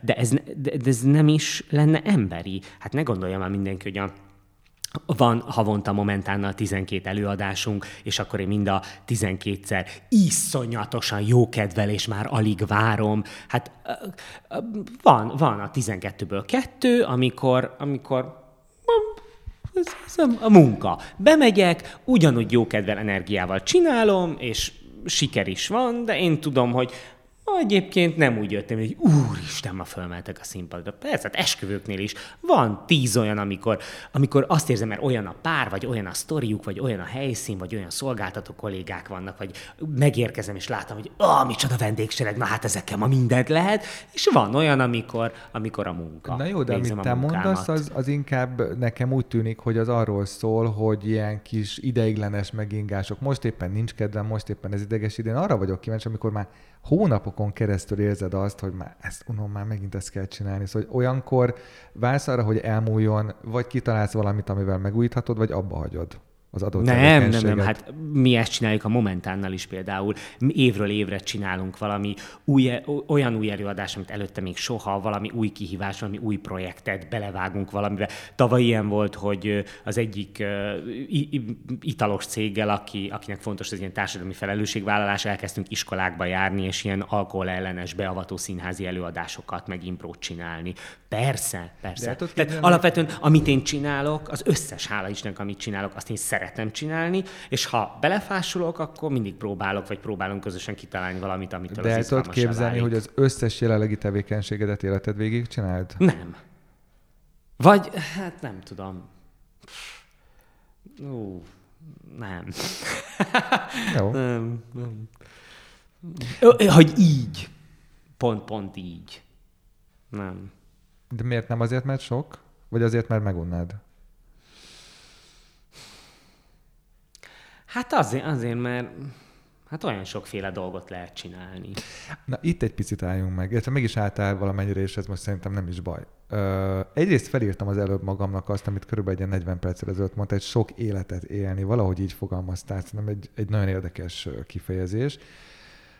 És most is azt látom rajtad, amit már más interjúkban is láttam veled kapcsolatban, hogy, hogy mintha tehát olyan, mintha a világ összes, most idézve a világ összes szakmáját ki akarnád próbálni. Tehát van benned egy ilyen tűz, hogy még ezt is, még azt is ki szeretném ö, próbálni. Ilyenkor neked mi a belső iránytű azzal kapcsolatban, hogy ezt kipróbálom, ezt nem, ezt mindenképpen. Tehát van neked valami mérce ezzel kapcsolatban? Nincsen. Belső érzésre támaszkodsz, vagy hallgatsz? Hát igen, hát amihez kedvem van. vagy ami úgy izgat, vagy vonz. De ja. kérsz valakitől tanácsot ilyenkor? Hát nem, mivel azért jelenleg nincs, nem vagyok abban a helyzetben, hogy fölkidálták a perúj lámatenyésztés, és most itt dönteni kell, tehát nincs, nincs miben tanácsot kérni. Hát de, de mindenkinek vannak ilyen fantáziái, nem, hogy mit próbálnak ki, mihez lenne kedve, újjászületne, akkor mivel foglalkozna. Na és te mivel uh, foglalkoznál? Csomószor gondolkodtam már azon, hogy borászkodnék, mert az olyan szép, meg nemes dolog. Mm. Vörös vagy fehér? Ja, hát én nem ihatok alkoholt a gyomrom miatt, tehát egyik sem. a válasz. Lehet, hogy ez... A címkét tervezni. Igen, lehet, hogy ezért lennék marad. De a borászaton túl uh, lennék, lennék műkorcsolyázó. Igen, műkorcsolya bajnok, vagy artista, mert iszonyatosan lenyűgöz, amikor emberek a testükkel számomra felfoghatatlan dolgot tudnak csinálni. Tehát, hogy, hogy nem tudom, hányszor láttál már műkorcsolyázókat, tehát szerinted ezt így meg, meg tudja ember csinálni, hogy, hogy korizik, és akkor közben ilyen kűröket csinál. Hát ez hogy? Én annyira ez... félek, hogy elesnek. Én ilyen, ilyen hülye tévénéző vagyok, hogy ezt csak erre tudok gondolni, hogy nehogy elessen. Nem az tudom, hogy hogy csinálják. Tehát számomra ez egy felfoghatatlan és alapvetően a fizika törvényeinek ellentmondó történet. Ugye? Azt látom, Tehát, vagy mondom, ilyen cirkuszi artista is szívesen lennék, vagy Hmm. Ki, az, az érdekelne, hogy lehet-e jó királynak, jó, jó uralkodónak, vagy jó miniszterelnök lenni, nem elvakulni a hatalomtól. És a... Nem nézted a Crown című sorozatot? De én vagyok benne a Charles. Igen. Én még ott nem tartok, úgyhogy... Figyelj, a harmadik évadnál, amikor, amikor akkor szembesültem az, hogy más játsza a királynőt, én ott lefagytam. Én azóta nem nézem. Tehát feleségem mondja, nézzük már, nézzük már, mindenki mondja, hogy milyen jó. Mondom, én nem tudom azt nézni, hogy ezt egy másik ember játsza, de lehet, hogy rá fogom venni magam. De mit mondasz? Érdemes megnézni a harmadik, negyedik évadot? Hát én szeretem, igen. De te nem, de te nem kaptál sokkot? Azt mondanám, hogy... Igen, nem lenne túl logikus, de te nem sokkolódtál le, amikor más játszotta a királyot? Vagy te tudtad ezt már előtte? Nem, nem, nem tudtam, nem Vagy tudtam, mert én, én, mondod, is a, én is a, én a negyedik év, várj, hogy van? A negyedik évadba került, nem, nem évadonként forgattuk lehet, hogy már a harmadiknak a végén vagyok, vagy lehet, hogy csak a negyedikben, lényegtelen. Ö, hogy ja, nem, ez, ez nekem így nem okoz problémát, nem csak itt úgy általában. Ez jó, hogy, hogyha ilyen rugalmas vagy. Szóval nem tudom, hogy van-e még olyan ö, munka vagy állás, amit kipróbálnám, az ezen, ezen, elgondolkoztál. Ezen gondolkodom. Ez az artista most érdekes volt. Mm. Elég sokat sportoltál, még ebben nem tudom, még mindig csinálod de... Ja, persze, persze, persze. Hát gyerekkorom óta, tehát így, így nevelkedtem, tehát a sport az szinte kötelező. Ez egy sportos család, nem? Igen, igen, igen. Tehát e- egy, nyilván gyerekkorban ez inkább egy külső kényszer, aztán már bensővé válik, és akkor az embernek a teste meg a szelleme is követeli. Hú, hát... Hmm, nem tudom, ilyen varázslók, meg ilyen mágusok, minden természet feletti. Annyira szeretem a fantazikat, meg a skifiket, ja, igen, hogy valami hasonló. Igen? Igen. Neked tetszett az űrod össze a 2001? Na, nem láttam. Igen? Most de, de lehet, hogy olvastam. Várj, de várj, várj, várj. Ez a Stanley Kubrick féle 70-es évekbeli... Nem volt egy felújított változata? Mit értünk felül? Hogy újra forgatták, vagy hogy Igen. ilyen digitálisan felújított? Nem, hogy újra forgatták. Szerintem annak nem. De de nagyon jó kérdés, nem tudom. Én szeretem a, a science fiction, de úgy módjával, tehát nem értek annyira hozzá. Fú, őszintén, le, lehet, hogy olva. Tudom, szerintem vagy, vagy olvastam, vagy lát, de, de lehet, hogy láttam, és valami ilyen emlékem van, hogy, hogy Na, na jó, bazd meg, tehát na, jó, hát, tehát fasságokkal nem vagyok hajlandó. Ér, értem, hogy ezt kultfilmnek kell tekinteni. Hát ez az. Köszönöm, majd kultfilmnek tekintem, tetszett. csak ne kelljen megnéznem. Ne kelljen már azt mondani, hogy ez jó. De másnak az egészségére, ugye? Ezt Igen, jó, mondani. szuper, kultfilm. Jó. Biztos vannak kultfilmek, amik meg nem, az én kultfilmjeim másoknak nem tetszik. Neked mik a kultfilmjeid? Kultfilmjeid? Eb- ebben, a, ebben a műfajban, hát a Gataka, például. Az ötödik elem, ami hát, hát azt, arra is lehet bármit mondani, én nagyon szeretem. Um, a Skiffy Fantasy, a Faun labirintusa. Uh-huh. Um, a Skiffy-ben fantasy Én nagy-nagy Harry Potter rajongó vagyok. Gyűrűk urát is szereted? Persze, persze, persze.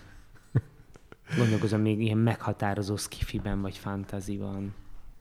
Uh, bocs, e- ez most egy nagyon erőltetett visszacsatolás lesz, csak uh, még ezt uh, szeretem volna megkérdezni, hogy te azért nem lettél színész egyébként, mert nem vettek fel? Vagy ha felvettek volna egy idő után, szerinted akkor is uh, úgy döntöttél volna, hogy nem leszel színész? Mm, nem, nem, szerintem ha felvesznek, akkor, ak- ak- akkor színész lettem volna. Szerint, szerintem ebbe bele, belepörgeti magát az ember, tehát még ha, még ha nem is vagy jó, vagy nem kapsz szerződést, a, akkor is él benned az, hogy de majd egyszer jön a nagy lehetőség. De, hát, tehát el, szerintem nagyon-nagyon kevesen vannak, akik, akik kiugrattak, vagy kiugranak. Vannak kedvenc magyar színészeid? Molnár Piroska, Börcsökenikő, férfiak közül. Fú, az nehezebb. Hmm. Nem, nem is tudom, a, a, valahogy így elmúlt, elmúlt években annyira, annyira nem, nem, nem, nem érdekel már a műfaj. Igen? Uh-huh. Igen, igen. De Val- filmeket nézel? Filmeket, az rengeteget, persze. És magyar filmet is szeretsz nézni? Abszolút. Filmeket is. Tehát te nem vagy az a fajta, aki hogy a magyarok nem tudnak filmet csinálni, és hogy... Uh... Ja, én nem vagyok ilyen snob, de, de hogy is én én ülök a multiplexben, és nézek mindent. Persze, a, meg, meg ülök a művészben is, meg a cirkogejzírben is. Ja, semmilyen izé nincsen. Hogy, hogy cirkodz a szívem csicskebe van. Hogy e, ilyet nem nézek, vagy olyat, de hogy is, né, néz, nézem a szuperhősös filmektől kezdve a, a 20 nézős nemzetközi művészfilmeket is, persze mindent, mindent. Nem valahogy, nem tudom, így az elmúlt években kiveszett belőlem a színház iránti oldhatatlan rajongás a, nem tudom, pedig, hát pedig ugye volt, tehát voltak, volt szerintem majdnem egy évtized, amikor évente annyi előadást láttam, mint egy színházi kritikus, tehát láttam 75-80 színházi előadást. És aztán valahogy ugye a 30 éves, vagy 30-as éveim elejére úgy, úgy, úgy, úgy nem tudom, kicsit érdektelenné vált, hogy el, el, el, elmúlt a varázs. Van egy olyan szekció itt a nem fogok azért egész éjszakait fogadni be, megígérem, mert tekintete vagyok a családi állapotodra is. De egy pár dolgot még, hogyha neked belefér, meg szeretnék kérdezni. Van egy angol nyelvlecke, az egyik kedvencem, általában a legtöbbet nagyon unalmasnak tartom, de ezt viszont szeretem. Ez a sztereotípiákról szól, és arról, hogy milyen tulajdonságai vannak egy legidősebb testvérnek. Ti hárman vagytok fiúk, hogyha jól tudom és le vannak bontva különböző tulajdonságok, hogy a legidősebb, a középső, stb. testvérnek ilyen és ilyen, a sztereotípiák szerint ilyen és ilyen tulajdonságai vannak. Ennél a, a nyelv leckénél a legidősebb ö, fiúnak, vagy egyáltalán a legidősebb testvérnek többek között a felelősségteljes, illetve az ambíciózus tulajdonságokat ö, tulajdonítják, de azt is mondják, hogy bizonytalanok és szorongók, de ezek közül melyik igaz? Most ez persze csak egy játék, mert nyilván nem egy nyelvkönyv hát fogja megmondani, Bizonytalan és szorongó biztos nem vagyok, ambiciózus. Hát ambiciózus vagyok, de hogy ez abból ered, hogy a legidősebb testvér legyen, vagy vagyok. Ezen nem szoktál gondolkozni, hogy a, a személyiségedre milyen hatással van az, hogy mondjuk vannak testvéreid, és mind a kettő fiatalabb, mint te? Érdekes, soha nem jutott nem? még ez eszembe. Egyáltalán nem. Nem. nem. Ö, a nagyobbik öcsémmel nem voltunk jó testvérek, nagyon nem. Ő lakik San francisco Igen, igen. Ö, mindig is tűz és víz voltunk, gondolkodásban, habitusban, mindig mindenben, és, és ezért mostanra, hogy így, így felnőtté váltunk, most már jobb testvérek vagyunk, de se kisgyerekkorunkban, se kamaszkorunkban, szóval soha nem volt igazi meccéspont. De ezen akartál dolgozni, vagy elfogadtad, hogy ez így van, és kész? Hát figyelj, hát most egy 10-20 évesen nem vagy ennyire tudatos, hogy most szed dolgozni akarsz. Hát látod, ezt De mondjuk az most. idő elintézte. Uh-huh. Hát most, hogy San Franciscóban lakik, ez a távolság kicsit, kicsit, kicsit okafogyott is, de azért az idő elintézte, hogy normalizálódott a kapcsolatunk, és szeretjük, és megbecsüljük egymást, és tudunk beszélgetni. De to- továbbra sem vagy, vagyunk, és leszünk egymásnak a nagy lelki társai, de oké, és viszony van köztünk, hát a kisebbik öcsém meg 13 évvel fiatalabb, mint én. Tehát, hogy, hogy az meg, hát, ha nem is, nem is ilyen, ilyen apa-fiú viszony, de hát az, az, meg, az meg nagyon-nagyon más volt. Hát most 15-16-17 éves kamaszként, most mit csinálsz egy két-három-négy éves gyereke? Szereted, meg hmm. elfogadod, meg meg olyan aranyos, de hát, na, tehát, hogy ez, ez nagyon... De mondjuk volt egy olyan fordulópont, amikor már idézőben ő is felnőtt, és akkor egyszer csak mondjuk több közös témátok volt, vagy ez azért így nem feltétlenül nem, nem így történt? Az utó, de ez az utóbbi években kifejezetten megtörtént. Egyrészt, hogy ugye a közös tesónk Amerikában van messzebb, tehát jobban egymásra vagyunk utalva, hogy mi maradtunk itt egymásnak, és persze, hát én is közben 40 lettem, ő is már lassan 30, tehát én azt érzem, hogy az idő ezeket a dolgokat szépen elsimítja, meg helyre teszi, és, és persze, hát nagyon sokat közelített. Meg, meg hát figyelj, szóval hát, hogy mondjam, tehát amikor valaki mondjuk három éves, a másik meg... Mikrofon. Jó, bocsánat, amikor valaki három éves, meg 16, az egy óriási különbség, amikor az egyik 10, a másik 23, akkor is. Amikor már 30, meg 43, az már nem vagy. Tehát, hogy, hogy az, az éle, életkorok, vagy a Világos. témák, vagy a tapasztalatok szerint az már nem olyan brutális különbség. Egy újabb idézet következik, nem tőled. Lobbanékony természetű, ugye rólad fog szólni, ezt elfelejtettem. Lobbanékony természetű, a társulati, társulati viharoknak legtöbbször ő az okozója, itt álljunk is meg, ezt hogy kell elképzelni. És ezt azért is szerettem volna kihangsúlyozni, mert szerintem aki a műsorodat nézi, néz veled interjúkat, az alapvetően egy ilyen nagyon mosolygós, hiperpozitív, és ezt most minden cinizmus nélkül mondom, valakit lát. Ezért is örülök, hogy a mai beszélgetés alatt egyébként több ilyen kicsit kritikusabb dolog is előjött belőled, mert szerintem ez nagyon szépen árnyal egy személyiséget. De azt hogy kell elképzelni, hogy társulati viharoknak legtöbbször ő az okozója. Ez azt hiszem, talán a momentán Igen, hát én egy hirtelen haragú ember vagyok, aki, aki robban, borzasztó dolgokat má, vág a másik ember, vagy a többi ember fejéhez, amit aztán öt perc múlva már nem is gondol komolyan, vagy megbán, és ezzel az öt mondattal aztán még nagyobb viharokat okoz, mint ami az elején volt. Tegyük az, hogy tanulom magam, nagyon erősen tanulom magam, nagy részben a Momentán társulatnak köszönhetően, akik szuper erősen csiszoltak, és csiszolnak engem a mai napig. Azt Tehát... hogy kell elképzelni, hogy visszajelzést adnak, vagy egyszerűen példamutatók ilyen Hát szemben? nem, hát visszajelzést adnak, meg a sok, sok konfliktusunk alapján nyilván hát azért rájössz egy csomó dologra. Tehát ma már, ma már ez kevésbé igaz, szerint nem tudom, mikor írhattam ezt. Ezt én írtam magamról? Szerintem igen. El tudom képzelni, de egyes szám harmadik szemében van. Ez nem, szerintem ez me, azt hiszem meg volt kérve, hogy mindenki írjon magáról. Mert szó... úgy van, hogy bocs, hogy ugye lobbanékony természetű ő, tehát róla szól, de el tudom képzelni, hogy te írtad. Szerint, szerintem én írtam, ilyen önbevallós módon. Igen. Szóval ez tanulom, tanulom magamat, dolgozok magamon, és, és ma már az esetek 80 már csak 20 ban pattanok el, és, és örjöngök, és a 80%-ban alszom egyet, és akkor másnap végig gondolom, hogy ére ez az egész annyit, hogy tényleg annyira fontos, hogy érdemes viharokat De amikor gerjeszteni. alszol egyet, és éppen ott lenne, hogy elpattan valami, és szerintem az ember egy idő után már ezt egy picit ö, talán tudatosabban látja magát kívülről. Mi a módszered ilyenkor? Ugye mondják ezt nagyon triviális dolgot, hogy számoljál nem tudom meddig, vegyél egy nagy levegőt, menj ki abból a helyzetből valahogy, tehát ne, ne maradj ott abban a, abban a konfliktusos zónában, tehát neked hát van semmi. konkrétan hát, egy hát, ilyen, hogyha mi, csak mi... azt mondod magadnak, hogy ezt most ne. Hát ennyi. Hát Igen? szerintem ez, ez a tanulásnak a lényege, nem? Hogy tudod magadról, hogy hajlamos vagy jön valami, gondolkodás nélkül megírni egy pusztító e-mailt, amivel tényleg vérig sértesz mindenkit, 17-szer átmentél, mit 17-szer? 170-szer végigmentél ezen a konfliktuson, 170-szer végül is szarul jöttél ki belőle, nem érted el a kívánt eredményt, csak még jobban megharagudtak rád, bla bla bla. És ha már esetleg van annyi tapasztalat, vagy, van, vagy annyira érett vagy nyitott, hogy már így a 170 alkalom után esetleg ezen elgondolkodsz, akkor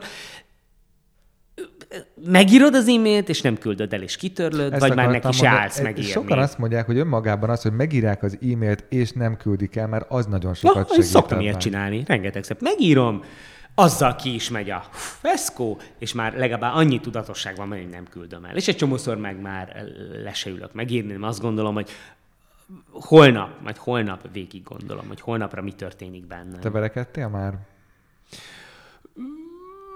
Egyetlen egyszer, de ezt nem én kezdeményeztem. Igen. És ne is menjünk bele.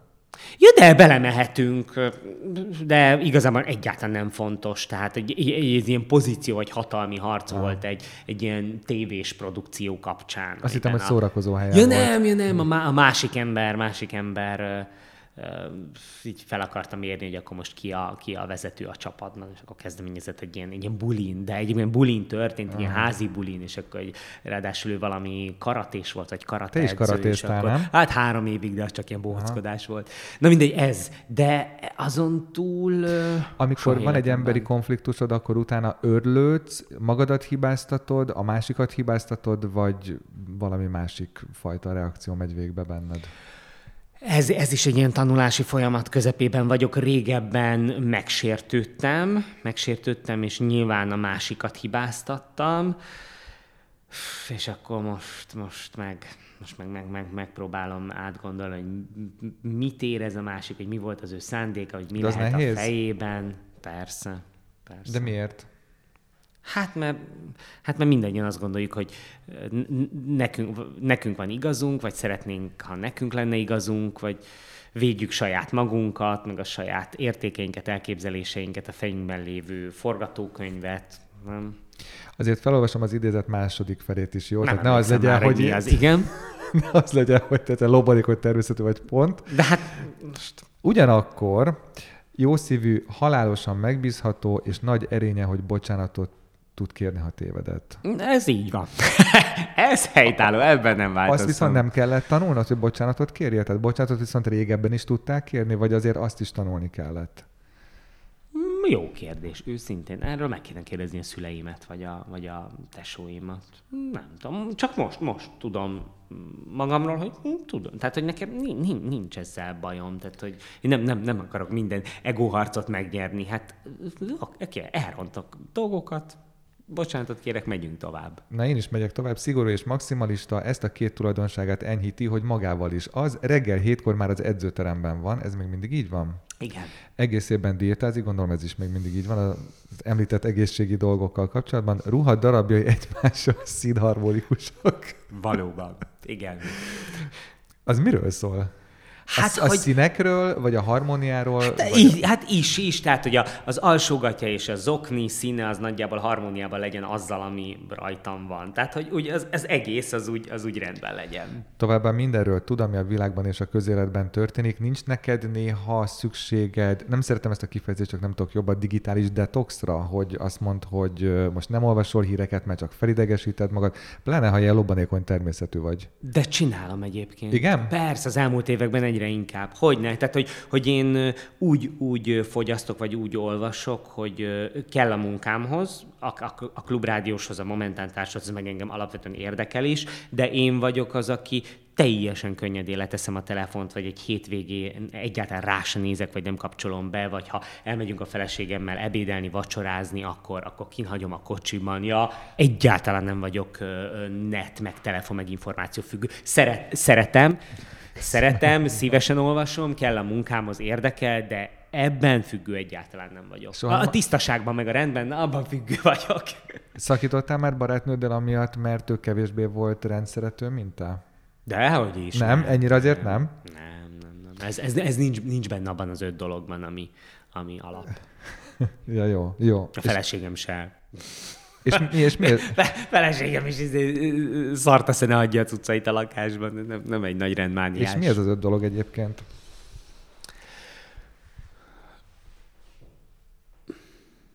Hmm, nem is tudom, hogy ezt így pontosan megfogalmaztam-e már magamnak. Ö,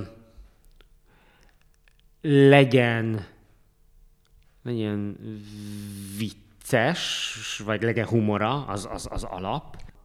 Ezt másfél órával előbb kellett volna megkérdezned, most már elfáradtam. De ne, ne, ne, ne, hát attól még, attól még tart a beszélgetés. De, fú, tudod mi van, hogy volt nekünk, aztán mindjárt fo- folytatom, hogy volt egy főhős című előadásunk a Momentan társulattal, mindig meghívtunk egy viszonylag ismert embert, aki mindiket is érdekelt, meg a közönséget is, én beszélgetek vele az életéről, és amikor a Momentan társulat hall egy olyan történetet, vagy kap egy olyan információt, inspirálja őket, elkezd játszani az illető életéről. Bocs, nem hogy például Erős Antónia volt az egyik Volt, persze. Aha, meg sokan gondolom. Nagyjából 50 vagy 60 Aha. Spiró Györgyön és Mácsai Pálon keresztül a Paja Be, a hmm. Kokó, az Erős Antónia, a Györfi Pál, minden.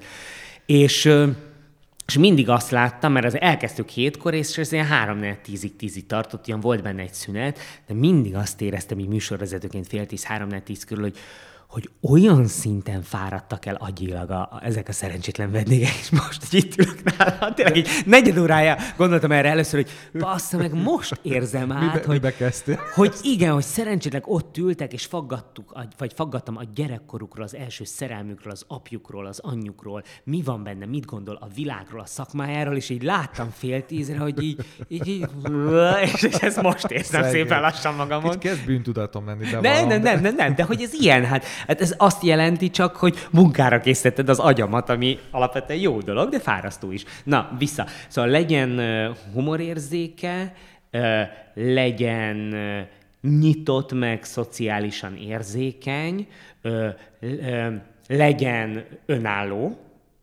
legy, legyen, legyen saját, legyenek saját céljai, saját elgondolása a világról, saját élete. Tehát Sőt, lehet, hogy ez a legfontosabb. Mindig ki vagyok attól a gondolattól, hogy, hogy, hogy két fél találkozik, és abból lesz egy egész, mert köszönöm szépen, én nem egy fél vagyok, és aki velem összekapcsolódik, az is kurvára ne legyen egy fél. Mind a ketten vagyunk egy egészek, összekapcsolódunk, és képzünk egy ilyen halmazt, tehát mi is megmaradunk, de lesz egy halmaz részünk. Tehát ez a én belét kapaszkodok, mert sok problémám van, te belém kapaszkodsz, aztán majd egy jó párkapcsolatot csinálunk, na ezt ezt Igen, ne. ez a kicsit ez a függőség felé, meg ez a Na, dependens. tehát, hogy, hogy legyen önálló személyiség, egészséges önálló személyiség saját gondolatokkal, célokkal, élettel, nyitott és szociálisan érzékeny és jó humorú, és ö,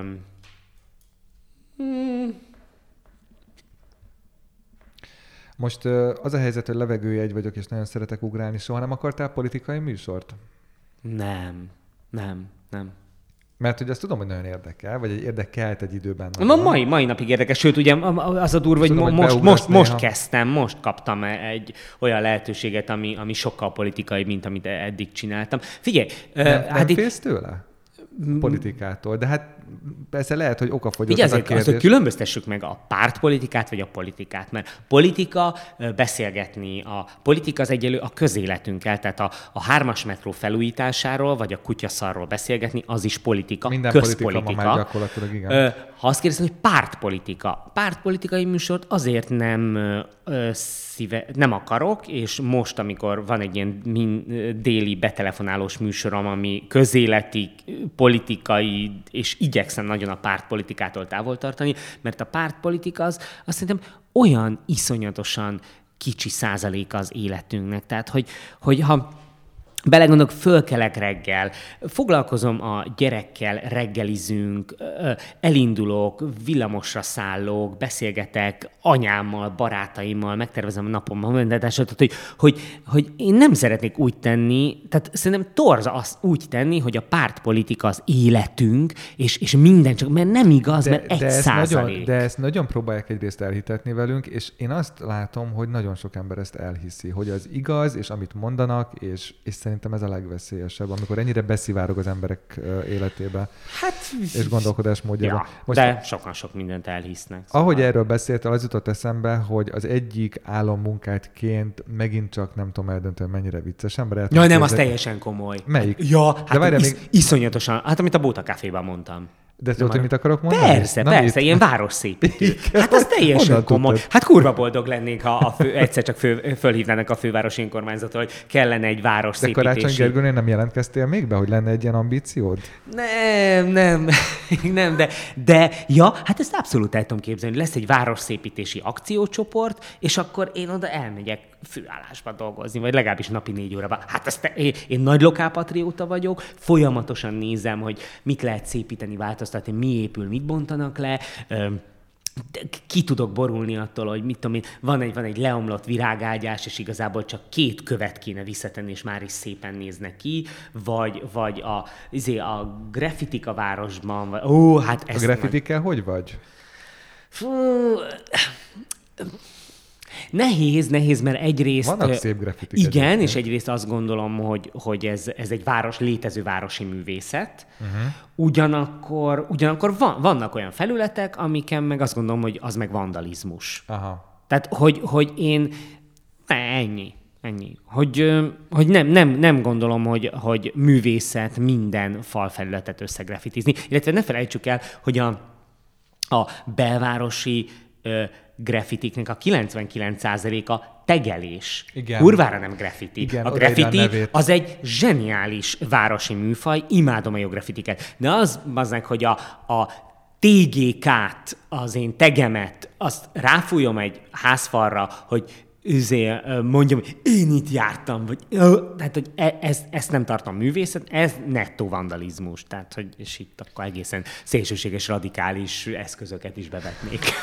Ezt láttam rajtad, hogy... Kéz, kéz és karlevágástól kezdve a... Remélem nincsen fegyverviselés engedélyet most itt igaz. Ezt csak mondom, hogy tudod, a, a jobb pszichológusok szerint azért kellene ezek a vágyfantáziák, hogy soha ne élt ki őket. Gyerekkel kapcsolatban is olvastam azt, hogy, és nekem tetszik ez a kifejezés, hogy erőszak fantázia. És hogy teljesen természetes az, hogy üvölt a gyerek a kezedben, és igenis lesz egy olyan pont, amikor arról fantáziálsz, hogy a falhoz vágod, csak már hagyja abba a, a, a, a dolgot. Ha már ez szóba került, mondtad, illetve azt hiszem, hogy azt mondtad, hogy F. Várkonyi Zsuzsától tanultad azt, hogy nincs olyan, hogy hiszti, ezt még mindig így gondolod? Persze, hát hogyne. Hát hogyne.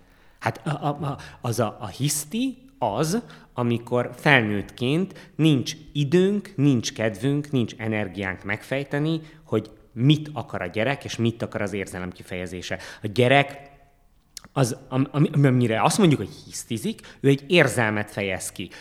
Fáradt, elégedetlen, csalódott, dühös. Val- van egy érzelme, sok a dolgunk, kurva nehéz volt a nap, rengeteg van még előttünk, hagyd már abba a hisztit! Nem hisztizik, csalódott, mert valami történt, vagy szomorú, vagy elkeseredett. Mi van akkor, amikor... Nem akarom megfejteni. Mi van akkor, amikor a faszod ki van mindennel, és már nem tudom, fáradt vagy éhes vagy, és a gyerek, akkor nem ezt mondom, hogy hisztizik, de mondjuk dühös, toporzékol, üvölt, mi a, mi a módszered? Mindig empatikus tudsz lenni? Nézd, ö, két éves lesz márciusban, és jelentem, hogy, és ezt elég nagy büszkeséggel mondom, hogy, hogy, hogy egyelőre még mindig büszke. Tehát igen, hogy ebben az alig két évben még mindig empatikus és türelmes tudtam lenni. Néha magamat is meglepem, hogy milyen iszonyatosan türelmes tudok lenni a Szonyával, senki mással, tényleg senki más. Szegény feleségem fele ennyi türelmet nem kap, mint a gyerek, de hogy igen. Igen, és nagyon-nagyon jó gyerek, még nem volt igazából toporzékolása. Üm, Vol, vol, voltak ilyen elégedetlenségei, de, de hát megkérdeztem, hogy, hogy egy másfél éves gyerektől is meg lehet kérdezni, hogy most nem igazán értem ezt a, ezt a a, a viselkedést, vagy tudom, hogy el akarsz nekem valamit mondani, tudom, hogy van valami érzésed, de bocsáss meg, én, én ezt most ne, nem tudom dekódolni. Ö, és és akkor elhallgatt. Megnéztem egy videót a Momentán társulat YouTube csatornáján, és most nagyon szégyellem, nem emlékszem a, a nevére a, az úriembernek, szemüveges, és ő mondta a saját gyerekével kapcsolatban, hogy nemek helyett igent próbál mondani, és hogyha a gyerek azt mondja, hogy nem, ugye van ez a korszak, hogy minden azt mondja, hogy nem, vagy nem tudom, a, vagy hogy te, te, a te szülőként azt akarnád mondani, hogy nem ezt nem szabad, ahelyett, hogy azt mondod, hogy nem ezt nem szabad, azt mondod, hogy ezt viszont igen, és egy kicsit így kibillenteni. Ezt már csak azért hoztam szóba, mert kíváncsi vagyok arra, hogy te egy ilyen tudatos szülő vagy, aki könyveket olvas, és minden gyerek pszichológust megkérdez arról, hogy ilyenkor hogy lehet ezt csinálni, és próbálod a saját kommunikációdat is ennek megfelelően alakítani, vagy azért ennél ösztönösebb nálad a gyerekvállalás? Vagy nem, gyereknevelés, nem, bocsánat. iszonyatosan tudatos vagyok, hát különben. Igen? Persze, hát tök fölösleges lenne, hogy hogy hat éven keresztül csináltok e Fárkanyi Zsuzsával a, a pszichológiai esteket, Igen. azóta csináljuk Almási Kitivel, Tarianna Marival, Bulacival csinálom ezt az apanapló rovatot a rádióban, ami hát ne hülyes, a világ legjobb helyzet van, mert hogy, hogy én hétről hétre megkérdezhetek az Apanapló civil rovatban egy szakértőt arról, ami éppen otthon történik Szonyával, és nem értem, és egy szakértő elmondja nekem, ez történt múlt héten is. Három hete apa szerelem van, csak apa ö, ö, fektethet le, csak apa öltöztethet, csak apa adhat reggelit, csak, csak apa ölelhet meg, csak apa foghatja a kezemet, anya nem szeretlek, anya fúj, anya menj innen, anya nem, nem, nem. Én erről szóltam múlt heti műsorod Igen, ettől a feleségem teljesen ki van, érthetően, hogy mit rontott el egy másfél éves gyerekkel, és ő milyen szánalmas, és milyen rossz anya. Igen, de azt Na, mondta a szakért, hogy nem szabad ezt személyesnek venni, Így mert van. hogy a döntési jog, jogát gyakorolja. Így van. Na, de tök jó, otthon van egy ilyen problémám, ott a rádióban egy rovaton, felhívjuk a szakértőt, szakértő megválaszolja a feleségem pszichológiai kérdéseit. Kettő az egyben dolgozol, és egy kicsit még a magánéletű dolgokra Tehát egy is. nagyon nagyon tudatos vagyok, abszolút. Igen, igy, igy, igyekszem különben, különben kárba Ez szerintem ez tudod, miért nehéz? Mert nagyon sokáig szocializálódtunk úgy, hogy így vagy úgy ö, nevelnek minket, és ezt valahogy megváltoztatni. Tehát gondolok például itt arra, hogy, hogy ö, ahelyett, hogy azt mondod, hogy ne érj hozzá, azt mondják, hogy ér inkább ahhoz. Vagy tehát például azt a szót, hogy ne, én is tanultam, vagy úgy tanultam, hogy az agyunk nem fogja fel azt a szót, hogy ne, és csak a felszólítást hallja meg ebből, tehát mit tudom én, a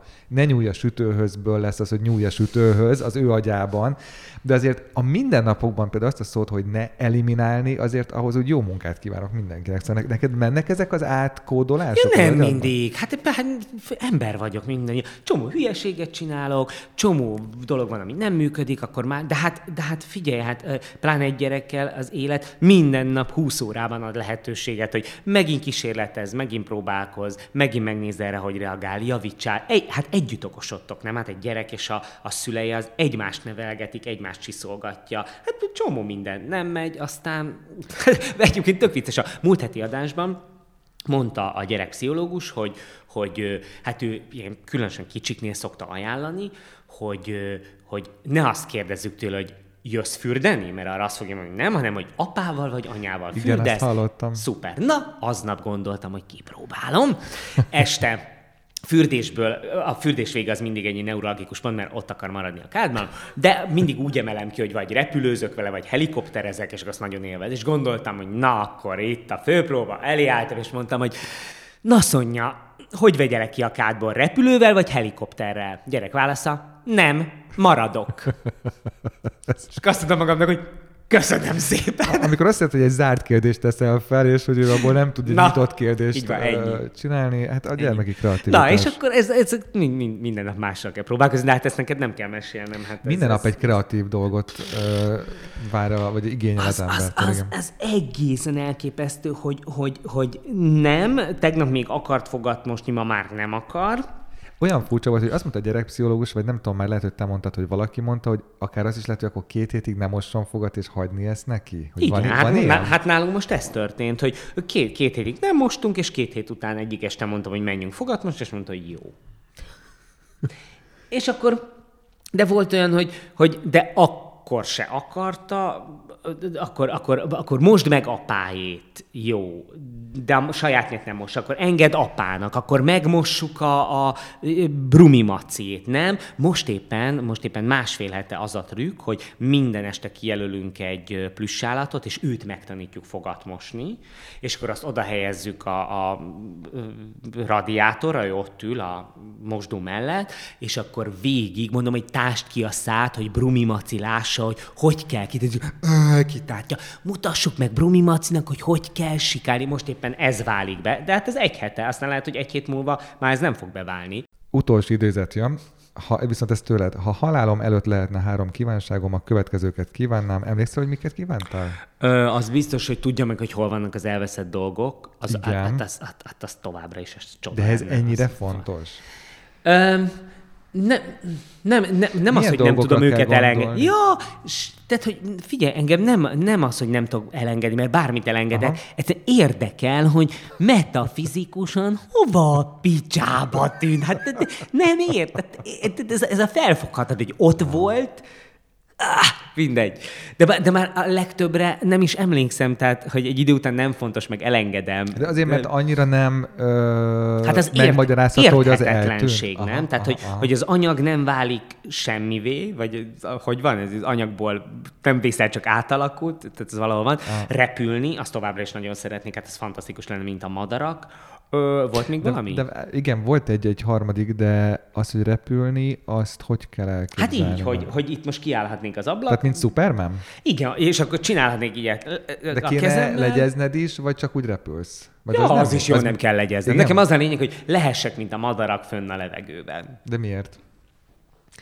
Hát mert az egy tök új dimenzió, nem? Meg, meg annyira más. Nekem tudod, mikor volt ilyen? Amikor először ö, bicikliztem Budapesten, a barátaim mondták, hogy menjünk be bulizni, és nagyon sokáig elmondom, az ciki, meg gáz, nem tudom, és amikor először láttam Budapestet egy bicikliről éjszaka, nekem a, a, a viszonyom megváltozott Budapesttel, tehát az a szabadság, az a perspektíva, nem is villamosról látod, nem is gyalogosan, gyorsabban is mész, de más szögből látod, egyszerűen fantasztikus. Egyébként hozzáteszem, amikor az egyik barátom egy versenymotorral vitt végig a Lánchídon, az is fantasztikus élmény volt. Bár egyébként ö, egy tavaly decemberi adásban azt mondtad, hogy te nem biciklizel, mert nem higiénikus. Igen, igen, te tényleg. Nem hiszem, hogy rá foglak tudni beszélni Nem, kilépek otthonról, zuhanyoztam, felöltöztem, illatos vagyok, tiszta vagyok, és hogy én a munkába vagy bárhova csatakosan izzadtam. Vannak olyan kollégák, akik szinkronba biciklivel jönnek, és ott állnak mellettem. Ja, és hogy nem kellemes ott hát nem, nem veletek kell, lenni. Csatakos, biciklis ruhában, igénytelen, büdös, nem. A harmadik, ö, a, a, egyszer hadd halljam a magyar nyelvet egy hát azt, külföldi azt, azt, fülében. azt, Én rosszul emlékszem, hogy a te műsorodban volt egy olyan blokk, amikor kicsit nyelvészkedtetek? Nem, volt, volt legalább négy éven keresztül. Én azt úgy emlékszem, hogy nagyon-nagyon szerettem. Az izgi volt, igen. A, a etimológia volt, szavaknak jelent, kifejezéseknek a jelent. Nagyon izgalmas volt. Nem akarod ezt visszahozni? Vagy van valami oka, hogy az már nincsen? Vagy a Nem, ugye? Kálmán László, hogy kifogták azt Nem, elfáradt, elfáradt, annyi volt benne. Tehát, hogy így a tíz év alatt a hátizsák az egyetlen, ami, ami azóta van, ahogy elindult a műsor, az összes többi az ezerszer megváltozott. Mert tehát am, amennyi van benne, amíg én találok Ez, muníciót. ez miért izgat, hogy egy külföldi fülével magyar nyelvet hallani? Vagy hallgatni? Hát csak. Tehát ni- nincs, nincs, nincs. Hát szerintem ez... Bedurcáztál a végén. Nem, hát ez tök érdekes. Hát meg figyelj azért. Nem, egyébként hozzáteszem, én is ez nagyon, az életem. Én is tehát a, nagyon nyelv, a, nyelv, a nyelv az én munkám, az életemnek egy nagy része. E, e, e, én ehhez értek, beszélni tudok, azt kész. Tehát nyilván valami nyelvvel kapcsolatos, az engem érdekel. Nem lettél egy picit cinikus a multikkal kapcsolatban azáltal, hogy nagyon sok multinál dolgoztál? Dehogy nem. De nem tudnál dolgozni multinál, nem? Nem, de hát nem csak multinál, semmi olyan helyen nem tudnék dolgozni, hova be kéne menni reggel nyolcra. Szere, azt hiszem, csak két ilyen munkahelyem volt az életben, és pusztító volt. Ez nem én vagyok. De, de tehát, hogy ebből a szempontból szerintem kétfajta ember van. A feleségem mindig azt mondja, hogy hála Istennek, hogy neki megmondják, hogy fél kilencre be kell menni, mert ha nem mondanák, akkor ő egész nap otthon ülne és sorozatot nézne. De mivel foglalkozik egyébként? Nyomozó ügyész, tehát hogy az életnek a B, B, hogy mondja, vagy az én munkámtól a lehető legtávolabb álló valami. Teljes, az életnek egy egészen más Most részéről majdnem azt szól. mondtam, hogy kiegészítitek egymást, de aztán rájöttem, hogy úristen azt mondtad, hogy nincs, hogy két fél, de ezzel együtt talán lehet azt mondani, hogy, hogy mondjuk jó rezonáltok egymásra, vagy, vagy Hát az biztos 12 éve vagyunk együtt. Igen, az sem van, hogyha van valami kapcsolat között. Igen. Szóval, szóval mit akartam ezzel, hogy, hogy, hogy, hogy, ja igen, hogy, és akkor, és akkor van, van tehát hogy, hogy van a, a egy ismerősöm, aki általában multiknál dolgozott mindig is, de lényeg, hogy ő, ő megszokta, hogy így bemegy, és többször faggatott már, hogy figyelj, de hogy így hétfőn akkor te azért bemész dolgozni. Mondom, Gyuri, hát van, hogy két napig nincs semmi, utána két hétig minden nap van, hogy 48 órán kezdve, utána két napig semmi, tehát hogy ha hétfő délután van valami, jó, de, de hétfő reggel nyolckor hova? Mondom, Gyuri, nincs olyan, hogy hétfő reggel nyolckor bemegyek valahova, nem, van, hogy hétfő délután nincs semmi dolgom, és ez felfoghatatlan számára. Tehát, hogy van az a típus, aki szerintem ezt jól viseli, nem, tehát van, aki sokkal, akinek sokkal komfortosabb az, hogy be kell menni valahova és megszabják, és akinek meg az komfortosabb, hogy a maga ura, és mind a kettőnek van előnye és hátránya bőségesen. Popper Péter milyen volt tanárként? Jaj, hát nagyon édes. Igen, Nem a volt olyan popi érzésed, papa. én nagyon, nagyon bírom, megmondom őszintén, nem volt olyan érzésed, hogy amit szerintem egyszerre a, a gyengeség és az erőssége is most megmondom őszintén, hogy kicsit olyan, mintha semmiben sem hinne igazán, de rengeteg minden érdekli, és rengeteg mindent úgy el tud képzelni, de úgy, mintha szkeptikus lenne mindennel kapcsolatban. És ez számomra nagyon-nagyon vonzó az ő tanításaiban, ugyanakkor meg úgy elbizonytalanodom, hogy nem kéne egy olyan, lehet, hogy nem kéne, de nem kéne az embernek egy idő után egy olyan dolog, amire azt mondja, hogy ebben hiszek, és ezt Nem tudom, hogy így érted, hogy mire gondolok. Igen, tökéletesen értem, amit mondasz. Hát ez, ez szerintem minden, minden tudós embernek, és legyen az pszichológia, vagy, vagy állattudomány, vagy, vagy, vagy virológia. Tehát, hogy, hogy azért, ha megnézed, a leg, legtöbb tudós csak kérdez. Nagyon keveset állítanak. Uh-huh. És, és szerintem ezt a Popper nagyon jól tudta, hogy minél többet látott, olvasott valamint az, valaki, minél több emberrel találkozott, minél többet látott a világból, sajnos egyre csak fogynak az állításai, és szaporodnak a kérdései. Szóval szokták mondani, hogy, hogy, hogy ha valaki igazán bölcs, akkor, akkor tudja, hogy, hogy, menny, hogy mennyi mindent nem, nem tud valójában. És én őt ilyen embernek éreztem, hogy hát annyi minden van. Hmm, ki tudja. Ilyen is. De hát, és egyébként igen, tehát a, bocsánat, na, a, a, azoktól a pszichológusoktól, pszichiáterektől, akikkel együtt dolgoztam és dolgozunk.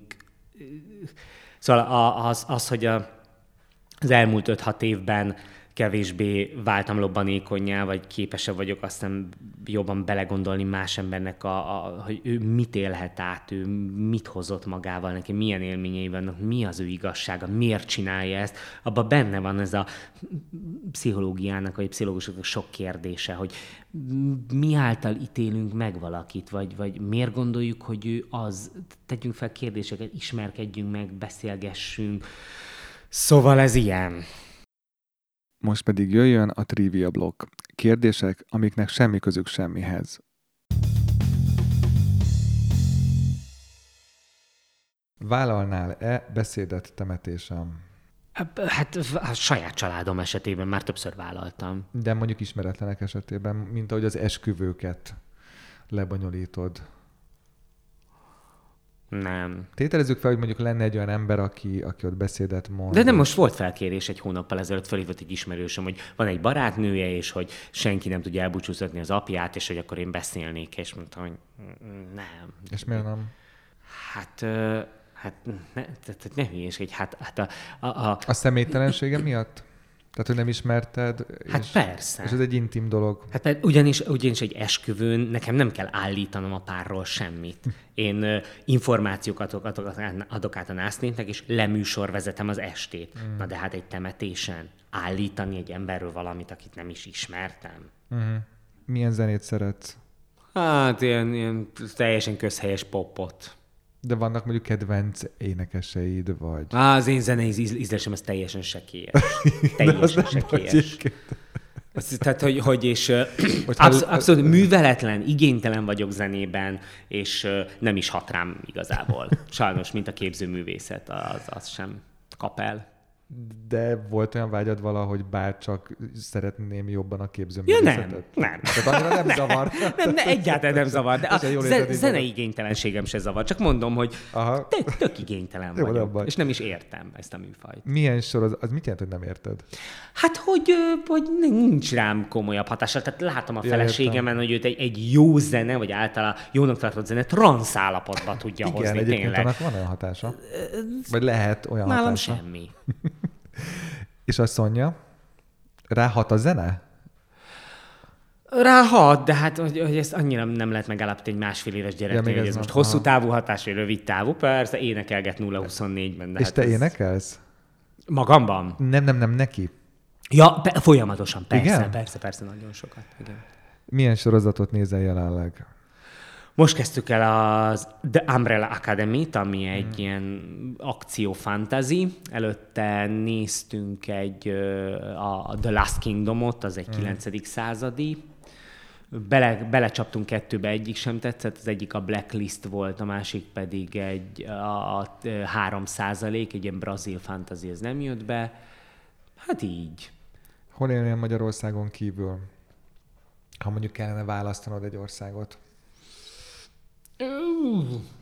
De nehéz. Hát nyilván a, a spanyol nyelv ismerete miatt biztos valami spanyol nyelvterületet választanék, mert hogy akkor az egy Bocs, jó ha már itt, itt tartunk, az igaz, hogy te anyanyelvi szintre szeretnél eljutni spanyolból? Igen. És mi a fokmérője annak, amikor azt mondod, hogy már anyanyelvi szinten vagy? Mert tudom, megvan a felsőfokúd, még mindig jársz Hát illetve nem, ha szeretnénk eljutni, de már nem fogok, mert ahhoz, ahol, illetve tulajdonképpen, tehát hogy a, a még, még, még nagyon sok tanulás. De igen, ez egy ilyen eldönthetetlen dolog, tehát én ugye két nyelvű esküvőket is csinálok, magyar-spanyolokat, tehát nyilván azt gondolnám, hogy az ember egy esküvőt le tud vezényelni spanyol nyelven, akkor nagy bajok már nem lehetnek, de hát ez... De még a filmeket érted, mert valami istentelen gyorsan beszélnek a sorozatokban, meg a filmekben, meg úgy általában mindenhol. Figyelj, a 60-70 százalékát. Ez nem rossz. Nem rossz akkor 50-et, tehát hogy a de, több, nem, de az, az, az megnyugtató számomra, amikor a spanyol tanárom, aki uh, spanyol szakot végzett az egyetemen, 20 éve más se csinál, mint reggeltől estig spanyolal foglalkozik, hallgat, olvas, beszél, fejlődik. És van ez az Elit című sorozat, ami, ami iszonyatosan tetszett, hogy már három évadot forgattak belőle, és akkor azt én is megnéztem, elkezdtünk róla beszélni, és kiderült, hogy ő is egy teljes füzetet írt tele az általa ismeretlen kifejezésekkel. és akkor megnyugodtam, hogy jó. De hát akkor ez az anyanyelvi szint ez jól hangzik, de tulajdonképpen ez nem létezik, és egy, és egy külföldi valószínűleg nagyon kevés esetben fog tudni eljutni az anyanyelvi szintig. Mit üzennél a 15 évvel ezelőtt magadnak? Lehet 20 is. Ah, hogy minden jó, ahogy van, és mindenből valami lesz. Ö, miért neveztek el minden tárgyat magatok körül a feleségeddel? Nem tudom, ez az ő mániája. Én csak átvettem. Rá? Igen. Tehát ő hátizsákos lett, meg tárgyálnevező. Így van, így van. Ő, ő, ő, az autótól a szemöldök csipeszig mindennek van neve, én ennek nem álltam ellen. Jó. Ezt a mikrofont hogy neveznéd el? Hát ő Ede. Ede? Ez ennyire egy, egyértelmű? Egy, egyértelműen Ede, persze. De nem minden mikrofon Ede? Csak nem, ez? nem, nem, ő. Ő Ede. Milyen ajándékot szoktál venni a feleségednek, ha meg akarod lepni? Nincs. Ja, de nem, nem igaz, hogy nem, mert, mert alkalmi ajándékokat veszek, tehát mindig, ha van valami vágya, és akkor azt egy kisasolom, de gumicukorral, tehát haribóval, emendemszel és haribóval bármikor. Azt, azt. Ha viszek haza egy csomag és haribót, az előbb a, a spanyol kapcsolatban a franciára rá akartam kérdezni, az még mindig egy életet tragédiája, hogy te fogalmaztál? Vagy, az... vagy egy életem kudarca. Nem akarok lehúzni gyakorlatilag teljes mértékben. Abból a szempontból nem kudarc, hogy, hogy valóban franciául már csak a Pataki Pál nyelvkönyv fejezet címeit tudom elmondani, semmi más, de hogy többek között ez a, ez a, a spanyol nyelvvel kapcsolatos Na, már gyorsan akartam mondani, tehát, hogy a, mi ez, nem öröm, nem mi a kudarcnak az ellen, sikerei. Siker. Na, tehát még egyszer, tehát, hogy, hogy ez a, ez a spanyol nyelve kapcsolatos jó érzéseimnek és a sikereimnek az alapja, tehát hogy én azért tudtam jól megtanulni és gyorsan spanyolul, mert az én spanyolom meg az alapja a francia. Mm. Tehát, hogyha nem lett volna előtte 11 év francia, mm. ugyanaz a nyelvtan, ugyanaz a gondolkodásmód, ugyanaz a szerkezet, stb. stb. Tehát, hogyha összességében nézzük, akkor nincs kudarc, hiszen hozzásegített, hogy viszonylag gyorsan és jól megtanuljak spanyolul. Mi a kedvenc sportod?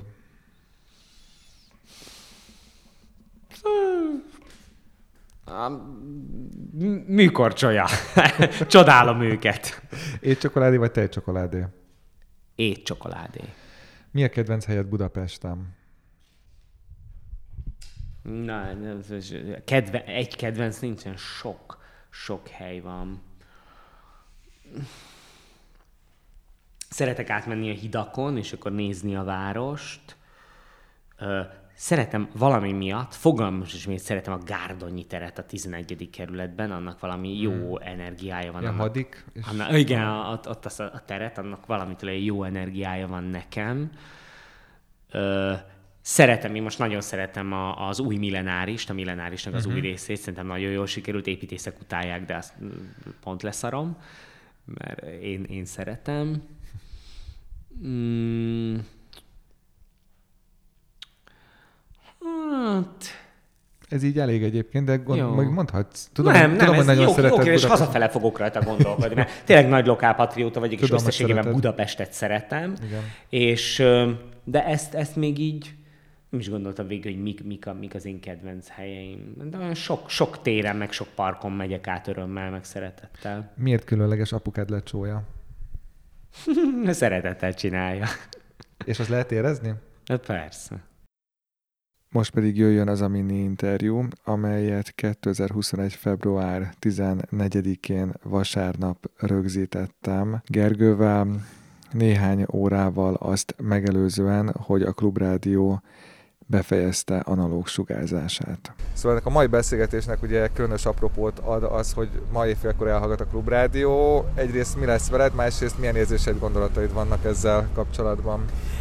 Hadd tegyem hozzá, hogy nekem ez különösen személyes, mert pont holnap lesz tíz éve, hogy először beültem a stúdióba, tehát 2011. február 15-én volt az első adásom a Klub Rádióban, úgyhogy ez nagyon-nagyon furcsa évforduló így. Velem semmi nem fog változni, mert hogy a hallgatóknak is azt ígérjük, hogy pontosan ugyanazt kapják holnaptól, mint műsorszerkezetben, mint műsorokban, mint kollégákkal, tehát senki nem megy el, semmi nem változik, hiszen pont ez lenne a lényeg, hogy azt mutassuk, hogy továbbra is mi szólunk, ugyanúgy szólunk, és reméljük, hogy ugyanúgy velünk maradnak. Egyébként az az igazság, hogy nyilván nagyon sokat beszélgettünk az elmúlt egy-két hétben benne kollégákkal, meg sok baráttal, meg ismerőssel, és van bennem egyrészt nagy kérdés, hogy a hallgatottságunk mennyire zuhan be, nyilván mi, mi abban reménykedünk, hogy a hallgatóink kitartanak mellettünk, és amennyi hallgatót esetleg elvesztünk, jön helyette annyi új. A másik, a, amiben én, én reménykedem, hogy ahogy az egész világban is az elmúlt egy év ben azt lehet látni, hogy a, a vírus az, az ajtókat bezárt, és ablakokat meg megnyitott, tehát hogy mivel rá voltunk kényszerülve egy csomó dologra az elmúlt évben, így felfedeztünk dolgokat, hogy hát ha ez történik a klubrádióval is, hogy szóltunk frekvencián, ezen kényelmes volt, szuper volt, és most, hogy, hogy ez nem fog működni, most millió dolgot kell kitalálnunk, feltalálnunk, ö, ö, ö, új lehetőségeket keresni, tehát hogy, hogy hirtelen az elmúlt egy hónapban olyan pesgés lett a klubrádióban, különösen az elmúlt egy hétben, mint amit talán soha nem nem lehetett tapasztalni, mert egy megoldást kell találni, iszonyatosan kreatívan, sok ember ötletét és segítségét igénybe véve.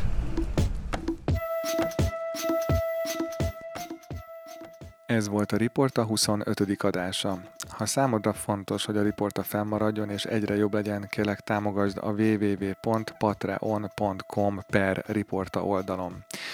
A riportát minden nagyobb podcast felület mellett te ezen helyeken is meglelheted. Facebook, Instagram, YouTube. E-mail címem riportakukacriporta.hu. Nevem Török Szabolcs. A honlapja pedig az, hogy www.riporta.hu.